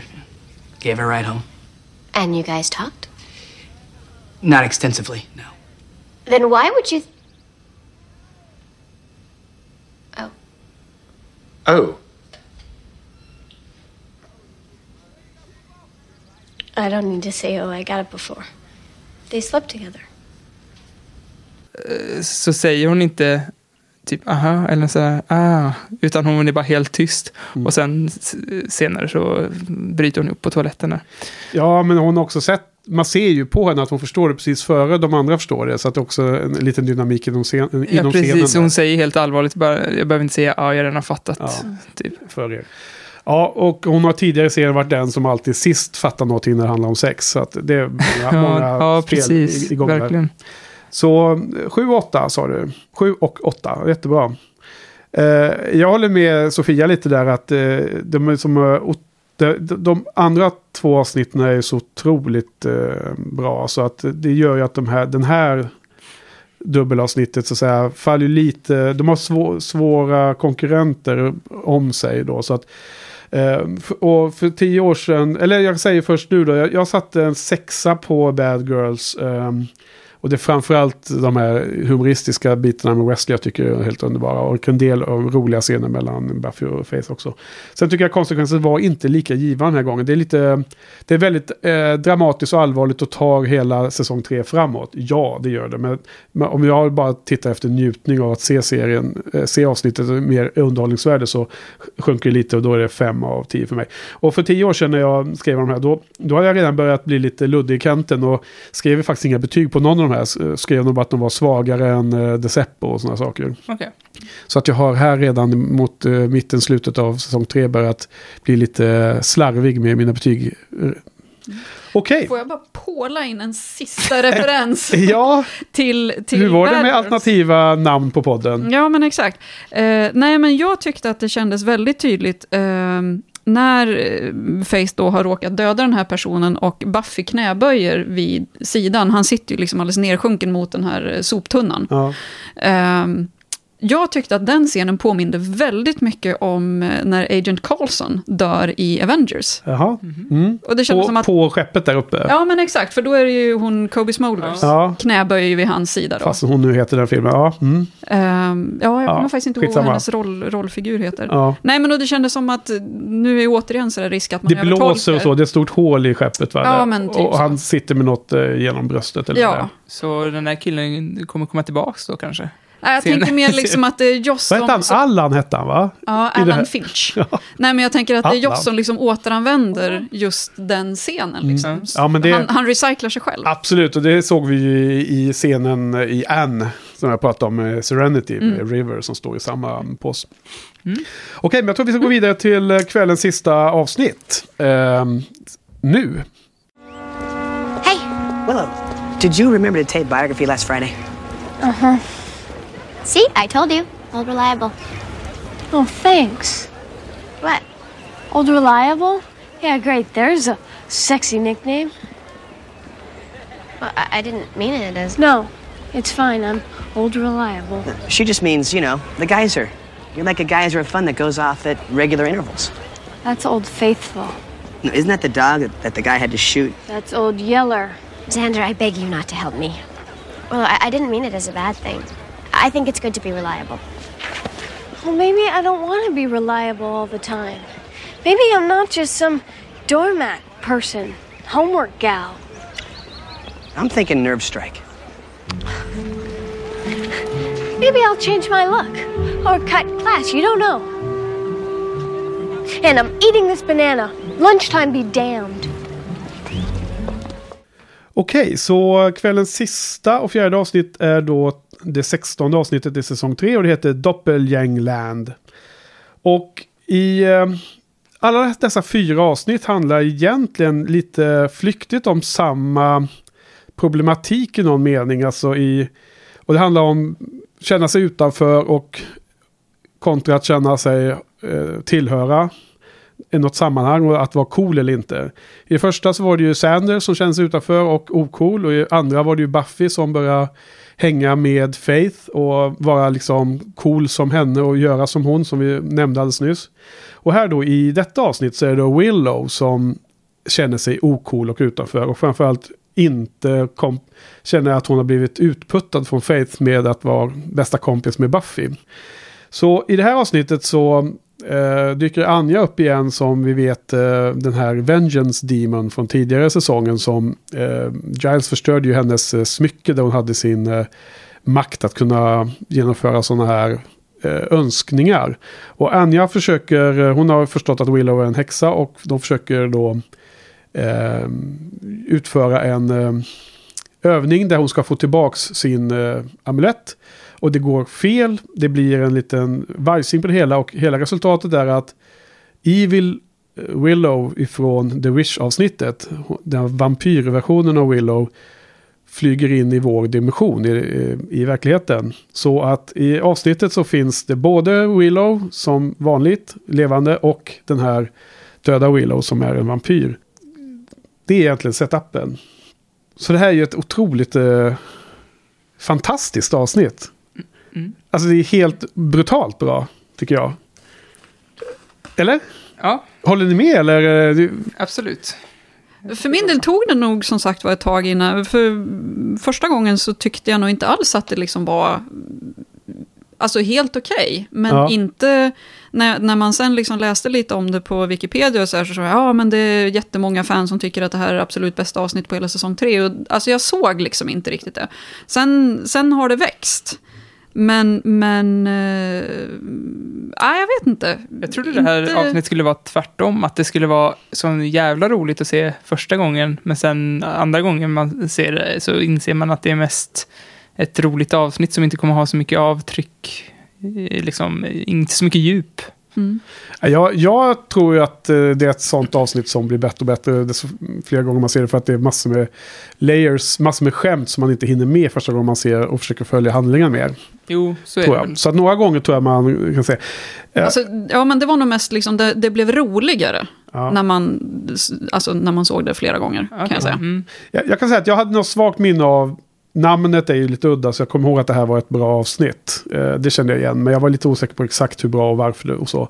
Alltså det, det roliga är ju nu att eh, det blir massor med förvecklingar för att folk ser ju Evil Willow gå omkring på stan och ser att hon är vampyr. Alltså folk i go- Scoobies-gänget och tror att hon har blivit dödad och återuppstått som vampyr och blir ju helt förtvivlade. Det blir ju helt otroligt eh, dra- Känslosamt. dramatiskt att, eh, och det finns en helt underbar scen när alla sitter och sörjer henne. Ja, det är det bästa i avsnittet. Mm. Och, och sen kommer ju riktiga Willow in och, och de eh, tror ju först att hon är, eh, hon är vampyr. Och det finns ju den, den scenen när Sander går fram med det här korset och eh, sätter upp det i ansiktet på Willow, den riktiga vanliga Willow. Och hon reagerar ju inte på den. Och han tittar på korset och börjar skaka det precis som det är en trasig glödlampa, eller som en ficklampa som har dålig kontakt. Och det är ett träkors liksom. Jag tror, alltså, nu, det, det känns som du läser mina anteckningar, fast jag hade skrivit trasig fjärrkontroll. Ja. Så att det, det, den, den scenen är underbar. Och sen då visar det sig att ja, men det finns ju två. Och samtidigt har ju Willow börjat... Eh, hon, är, hon är ju evil och ganska eh, hård. Mörk, eh, ledsen. Hon är, so, hon är sorgsen över att hon tycker att hon kommit till en så himla dålig värld. För det är så mycket människor och så lite vampyrer. Och eh, hon träffar på eh, Sander och inser att han lever. Och blir otroligt ledsen då ju. För det är ju hennes mate. Det är så konstigt, det borde ju vara som att hon hamnar i Candyland eller något. Ja, men hon, hon, hon eh, börjar ju då, hon tar ju över eh, ett pack av eh, vampyrer genom att bryta fingrarna av någon buse där och få honom under sin spell. Ja, det var en cool scen Ja. De bröt fingrarna. Ja, men hon är- Who do you work for? Ja, men hon satt ju och tortera eh, Angel då i The Wish, så att hon har ju verkligen det i sig där. Men det är så Nej, men bryta fingrarna var ganska snällt jämfört med att kasta brinnande tändstickor på någon. ja, på, på, på redan stora öppna sår på bröstet. Men, men det, så att vad som händer i avsnittet är ju att eh, hon tar alla vampyrerna till eh, The Bronze och eh, ska ha en bankett där på de människorna. Men eh, skobisarna med hjälp av eh, den riktiga Willow lyckas avstyra det hela. Eh, men jag tycker det finns så många saker här. Alltså, jag, tror verkligen att man kan se det många gånger. För jag tycker att hela Willows karaktär och framförallt Alyssa Hannigans skådespeleri är helt lysande i det här avsnittet. Och det är varje scen när Evil Willow är med är ju bara så helt underbar. Hennes... Hon ser helt annorlunda ut än det här eh, jaget som vi pratade om i ett tidigare tillfälle Johan. Att Alyssa Henningen både som Willow och som i eh, American Pie-filmerna och i How I Met Your Mother är lite samma pe- persona. Tror du att, att Joss eh, skrev det här avsnittet, eller vem det nu var, när de fick se hur bra Ja, men det är Joss, Alice, ja. Alice Jag är tämligen säker. Han- Hannigan var eh, i första gången man fick se eh, Dark Bad Willow? Eh, ja, om, om det var planerat sedan tidigare eller inte. Jag, jag, jag vet faktiskt inte. Jag har ingen aning hur, vilken ordning han har tänkt ut de olika idéerna. Men kolla upp det på datorn där Johan. Visst är det Joss som har gjort det här? Jo, men det är jag som både har skrivit och regisserat. Ja, precis. Och det, det har s- otroligt eh, mycket eh, bra saker i det, så jag blir inte minst överraskad. Ja, jag, jag, jag tycker det var, var roligt när hon... eh, eh, hon säger att hon, att hon är raka motsatsen mot sig själv, så evil, skanky och gay. Eller någonting sånt. Och, och Angel rättar henne och säger, nej men eh, Ja. vampyrer är inte alls raka motsatsen. Och sen ångrar sig. Ja, det, det är så lustigt, för det har ju du och jag pratat om flera gånger. Jag hade ju den här helt felaktiga idén Ja. att han skulle vara så god i, som människa och därför så ond som vampyr. Men det har vi ju helt glömt av nu då. Det har vi ju skippat. Och det här understöder han ju det igen här då. När han avslöjar sig. För att han, han hej, hejdar sig i den uh, sägningen för att han inte vill avslöja sig ju. Eftersom han själv vet att han själv var så ond som... Ja. Fast jag uppfattar det mer som att han vill inte, alltså han vill inte ge Willow Nej. dåligt samvete så att säga, för att hon på något sätt då skulle ha Evil Willow inom sig någonstans långt inne sådär. Ja. Nej men det, ja, det, det är mycket möjligt att det också. Jag, jag, jag bara lade märke till den här scenen, men jag har inte funderat så mycket om det. Eh, men det, det som är lustigt i början, alltså hela det här avsnittet är ju helt gudomligt. Alltså, innan vi har mött E- Evil Willow, då är det ju massor med roliga scener när eh, Willow är så frustrerad över allting. Bland annat har hon blivit inkallad till Snyder för att han har en idé att hon ska hjälpa någon sportfåne som har dåliga betyg. Och i USA är det ju så att om man ska spela i sportlagen måste man ha godkänt i alla betyg eller något liknande. Och hon missförstår ju honom bland annat. Hon tänkte på den där kommentaren när hon You got the brains, he's got the fast break. It's a perfect match. Match? You want us to breed? I want you to tutor him. Om du Hur fan säger missuppfattar. de en perfect match? Ja, exakt. Va? Och, ni, och ni, ni ska liksom jobba ihop ikväll och så här pratar han om. och han menar alltså, plugga. Man skulle kunna ta och bara pausa var som helst här avsnittet, så kunde det vara en grym quote man får upp här. Ja. Så att vi skulle bara kunna sitta och recitera hela avsnittet Ja, men det, ja, precis. Hon stormar iväg eh, förbannad och har sin banan med sig. Och så ska hon göra superrevolter och äta bananen innan lunch. Sådana grejer. Och, och sen då där eh, en annan så här, eh, för i det här avsnittet eh, Bad Girls när Wesley introduceras och, och Buffy och Mr. Giles lutar sig synkront. Det var ju en rolig scen som vi pratade om alldeles nyss. Här var det också en sån här rolig scen med någon som lutar sig mot någon annan. Tänkte ni på det? Att när riktiga Willow dyker upp och de andra sitter och sörjer henne, som är en himla rolig scen som du sa Johan. Då så är alla så jätteglada, alla börjar ju krama henne och hon är ju helt så här förvånad för att hon fattar ju inte att, hon, att de har trott att hon var död. Och hur ska hon veta det? Och till och med Giles slänger sig fram och kramar henne och hon ser ju jätteförvånad ut. Och sen då, när de har kramat klart och, hon, och de börjar berätta för henne vad som har hänt då, och hon blir helt chockad. Finns det en, en, dö, en va- vampyrjag som går omkring i den här världen? Då står ju Buffy precis bredvid henne och lutar sig närmare och närmare tills Willow liksom börjar backa undan så här, för hon blir så här helt störd. för, att, för att Buffy är ju så glad att hon lever, liksom, så hon vill bara vara nära och lite närmare och lite närmare. Tänk, har ni sett det? Ja, och sen de Jag tror jag har säger- sett det tre gånger. Ja, alltså just det Are tänkte- you on drugs är svaret där eller? Ja, jag, kommer inte ihåg, inte skrivit upp det. It's really nice that you guys miss me. Say, you all didn't happen to do a bunch of drugs, did you? Will, we saw you at the Bronze. A vampire. I'm not a vampire. Ju- Just den grejen tänkte inte jag på. Däremot, alltså när Giles då efter de andra liksom bara rusar fram och slänger sig om halsen kring Willow. Den, Det blev nästan bästa scenen Ja. i hela, hela avsnittet tyckte jag. Jo, men alltså, jag har sett många som inte gillar det, men jag gillar även när Angel kommer och bara, Buffy evil, eller säger Willow evil. Så tittar bara, hej Willow. Ja, ja det, det, han, han är också väldigt concerned. Men jag tror också det kan vara en sån här liten lättnad, eller så här, för han har varit så jävla tråkig och kast. eh, Och nu var han, fick han vara lite rolig och då Ja. kändes det som skönt på något sätt. Ja. Det, sen då så lyckas de ju fånga in Evil Willow och en del av planen är sen att låta den riktiga Willow eh, klä ut sig som Evil Willow för att gå över till The Bronze och förleda de här vampyrerna så de kan komma åt dem. Då är det också otroligt lustiga scener när, när Willow ska försöka spela ond, spela vampyr. Och hon går där och har svårt att andas för det är en sån här läderkorsett som är så himla tight. Och så går hon så här, jag kan knappt andas här. Och så tittar hon ner och då får hon syn på sin byst Gosh, där. look at those! Gosh, look at those.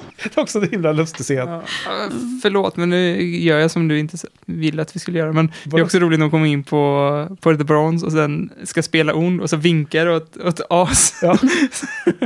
Som om det vore så här en skolpjäs i lågstadiet eller Ja, något just där. det. Så man vinkar från scenen ner till sina Ja. föräldrar. Ja. Ja, men också, också när hon, hon, eh, hon ska ju liksom vara lite, lite läskig sådär och så ska hon liksom dra med handen över en tjej och så fastnar hon liksom med handen i, I håret. håret, på ja. Och så ska vara hård, men sätter ändå så här en öm hand mot en vampyr. Du kan väl gå ut och kolla till den andra killen, han verkar ha förlorat sig Ja, själv. hon, blir, hon blir avslöjad ganska snart. Ja, men jag tänker också, alltså, det, är ju, det är ju ganska, eller en, ett, ett bra betyg för Alison Hannigans skådespelarkapacitet. Liksom, att bara där ser man när hon ska gå in på The Bronze. Att hon, alltså hennes kroppsspråk, hon rör sig ju Ja. på ett helt annat Mm. sätt när ju hon liksom ska låtsas vara Evil Willow, Man- än när hon är Evil Willow. Man har ju sett den här tvillinggrejen många gånger. Och, och folk hyllar ju folk som spelar så här två olika, fast det är ändå samma person. Och man ser exakt Ja. vem det är på sättet de går på. Fast då har de ändå förstärkt det med liksom kläder och, och allt möjligt. Ja. Men här har de ju så här, i början har de ju helt olika utstyrslar, men sen har de switchat utstyrslarna också. Så en spel, hon är eh, liksom Fluffy Willow som spelar Evil Willow. Ja. Alltså, Ja, första, första Evil gången Willows Evil, kläder. Ja, och första gången Evil Willow får syn på riktiga Willow och hennes rosa stickade Mm. tröja. Så blir hon bara helt äcklad över att... att Eller när de vaknar upp med Fluffy Willows Ja. eh, Hon är så, kläder hon på är så sig. luddig så... Ja, och hon är ju inlåst i det där, i den där rummet slash buren som de har i, av någon anledning har i Ja. biblioteket. Och hon måste ju också spela eh, tvärtom. Hon, Evil Ja. Willow spelar Fluffy Willow och säger typ Mm. I'm... Ja, Hannigan måste I spela Evil Willow som spelar... uh, Ja. Mm.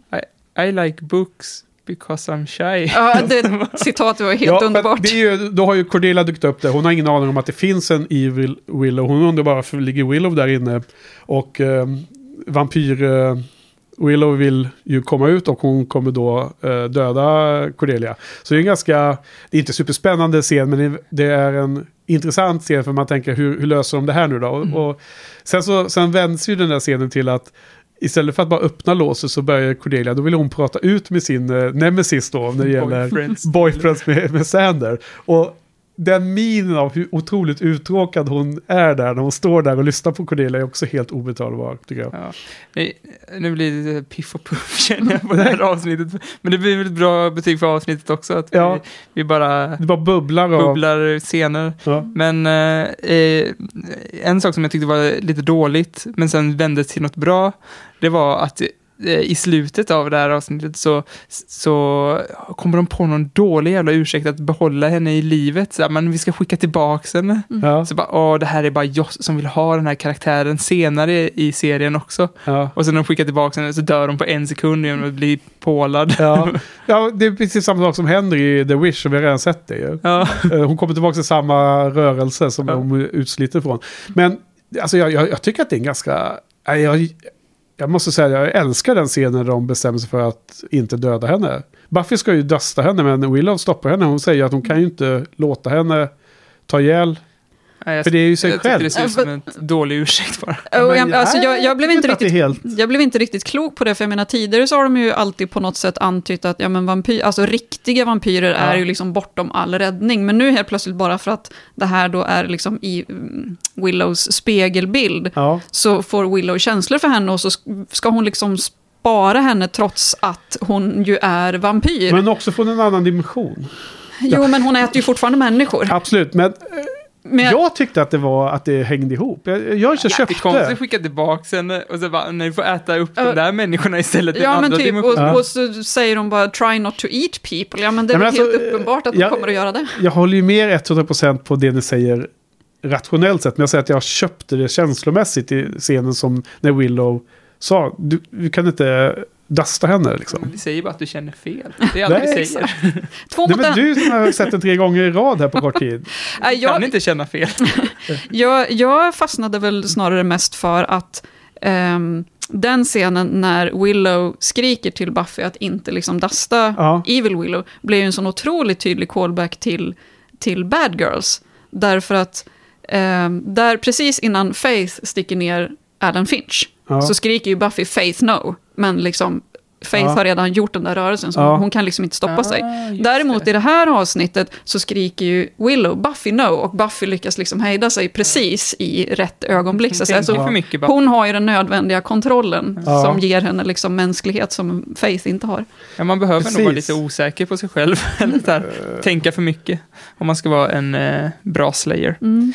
Jag hade en annan, eh, en annan callback. Ja, men du, jag måste bara säga det. För där, där sa du en intressant grej från eh, de tidigare avsnitten som jag helt glömde säga på konsekvenser som jag vill säga nu. Eh, trots att tiden är väldigt lång här. Men det är också intressant i, i konsekvensens förra avsnittet att eh, Face håller på att strypa Sander i den där scenen när de ska ha sex andra gången. Ja, sex och sex, det Ja, nej, men hon håller på och våldtäkt. eh, kör något, något med honom. Och håller på att ta ihjäl honom. Och kommer Angel in och, och räddar Sander, vilket jag tycker är en ganska lustig eh, vinkling av allting. Ja, det var en liten cop-out-scen va? Eller? Nah. Lite Deus Ex-makerna kan man nog... Det kändes som att de inte riktigt visste hur de skulle avsluta den där. men poängen jag, där, liksom? ja, men poängen var att det var Angel som räddade Sander med tanke på deras historik. Ja. För senare så håller ju, eh, när de fightas nere på The Docks där vid eh, skeppet så får ju Buffy en stor jäkla låda i huvudet som gör att hon blir försvagad och Mr. Trick håller på att döda Buffy. Och då är det ju Faith som räddar Buffy bokstavligen. Mm. Genom att hon dustar ju Mr. Trick som för övrigt försvinner där. Det är Mm. också lite lustig grej för jag hade precis för mig att han skulle vara med mer. Men skitsamma. Där är det också det liksom att ah, Faith är så ond i hela konsekvenser. Så hon blir ond. Hon, alltså hon går ju till The Mayor till och med i slutet, scenen efter. Men hon har ändå rä- räddat Buffy bokstavligen från, från döden. Det, ja, det var bara någonting jag skrev upp här. Det var inte så intressant tydligen. Ni ser helt ointresserade ut. Nej, men det, det stärkte ju... Det, är Alltså, båda handlade ju de- Lite, det som jag pratade om också, att hon, hade, hon har väldigt mycket tvekan i sig. Att det finns ju verkligen eh, en eh, godhet där som vill ut, men som inte vågar, vågar sig ut. Säga. Jo, men jag tänker just den, den, det agerandet gör ju också att än så länge i alla fall så kan man ju inte vara säker på att Faith har gått över till The Nej. Mayor. Det skulle ju lika gärna kunna vara så att hon liksom är där undercover. Ja, hennes plan är att eh, komma tillbaka till Scoobies-gänget genom att göra en bra insats Ja. och, och eh, infiltrera. Ja. Vi får se vad som händer. Det är ju det. Det är det som är det spännande. Eh, min, min, my lips, lips are sealed.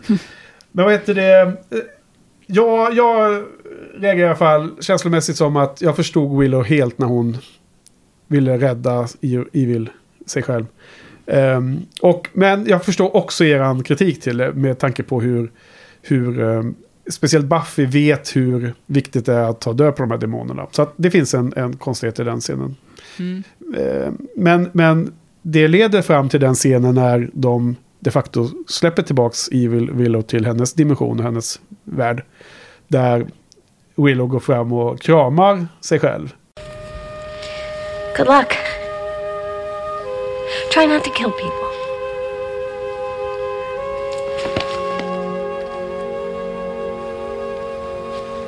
Hands! Hands! Och Evil Willow börjar eh, tafsa, Ja, henne hands, på, hands. tafs, tafsa henne på rumpan. Det var också en väldigt bra avslutande scen där tyckte jag. Hands ja. Jag, jag, jag tyckte varenda scen med Evil Willow är ju helt fantastiska. Alltså jag, skulle typ se om avsnittet ikväll lätt. Eh, kommer kanske göra det till och med. Eh, Det är 10 av 10 måste jag säga. Det är, det är högsta betyg. Det är som klart suveränt, helt maxat, eh, perfekt avsnitt, tycker jag. Sofia ser förvånad ut, Johan ser eh, outgrundlig ut som vanligt. Får inte något argt öga i alla fall. Vad säger du? Nej, alltså, nog kan, jag kan förstå att, att du tyckte att det var så pass bra. Och jag tyckte ändå att jag var generös när jag satte en sjua. Jaha, okej. Så Ja, sam- ungefär i sam- samma, nivå som Seppo. Seppo. Ja. Jag tycker det här är snäppet, klart snäppet över. Ja, jag tyckte lätt det roligaste avsnittet, eh, kanske i hela Buffy. Jag tror, ja men det är nog det roligaste i hela Buffy. Eh, mycket, alltså det är, förlåt Sofia, alltså jag förstår att det inte är så roligt att höra om community hela tiden, men det kändes som community, som ett sånt, för skämtens skull kan man säga om det hur många gånger som helst. Ja. Men det kändes inte som att det hade så mycket liksom...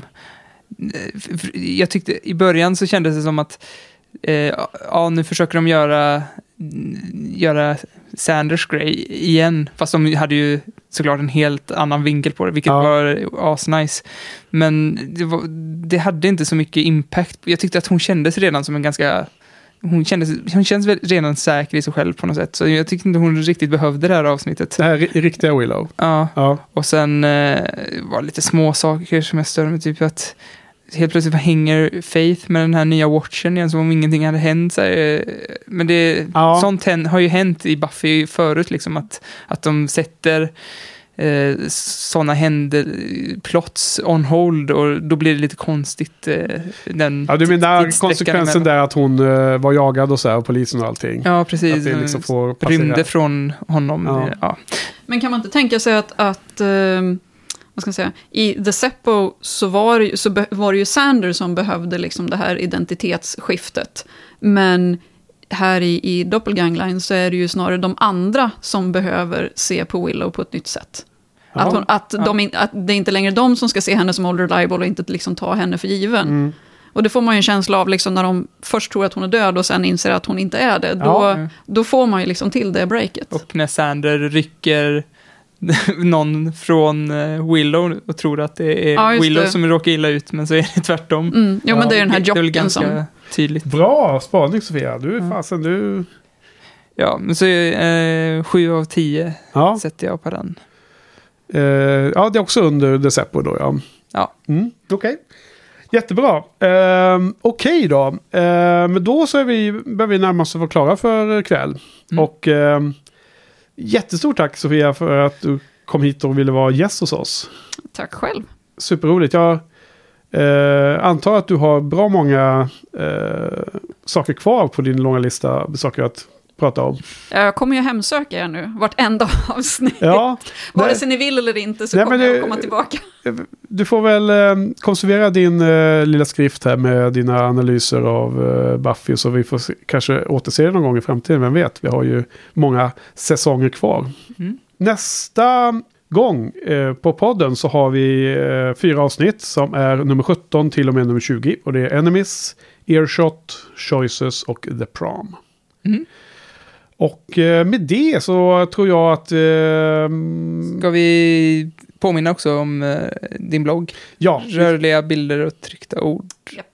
Och vi länkar till den på show Ja, det är en sån här dum, dum gratis Wordpress-adress och den, är, den är lite svår att dra sådär rakt av i. Men på buffypodden.se finns Ja. det länkar dit. Så gå in och läs våra allt eh, mer eh, fylliga show notes på avsnitten och gå in och kommentera avsnittet och vad vi har sagt och tyckt om ni håller med eller om ni inte håller med eller om vi har missat någon vinkling eller eh, misstolkat någonting. Ja, alltså vi, med tanke på att jag har, vi alla har väl show notes som vi har dissat och vi har spelat in jättelänge nu så Mm. det är svårt att få med allt. Ja. Okej, men eh, jättetrevligt Sofia. Så tack Sofia. Tack Henke. Tack Johan. Tack Joss. Tack, Tack för för oss. oss. This world's no fun. You notice that too?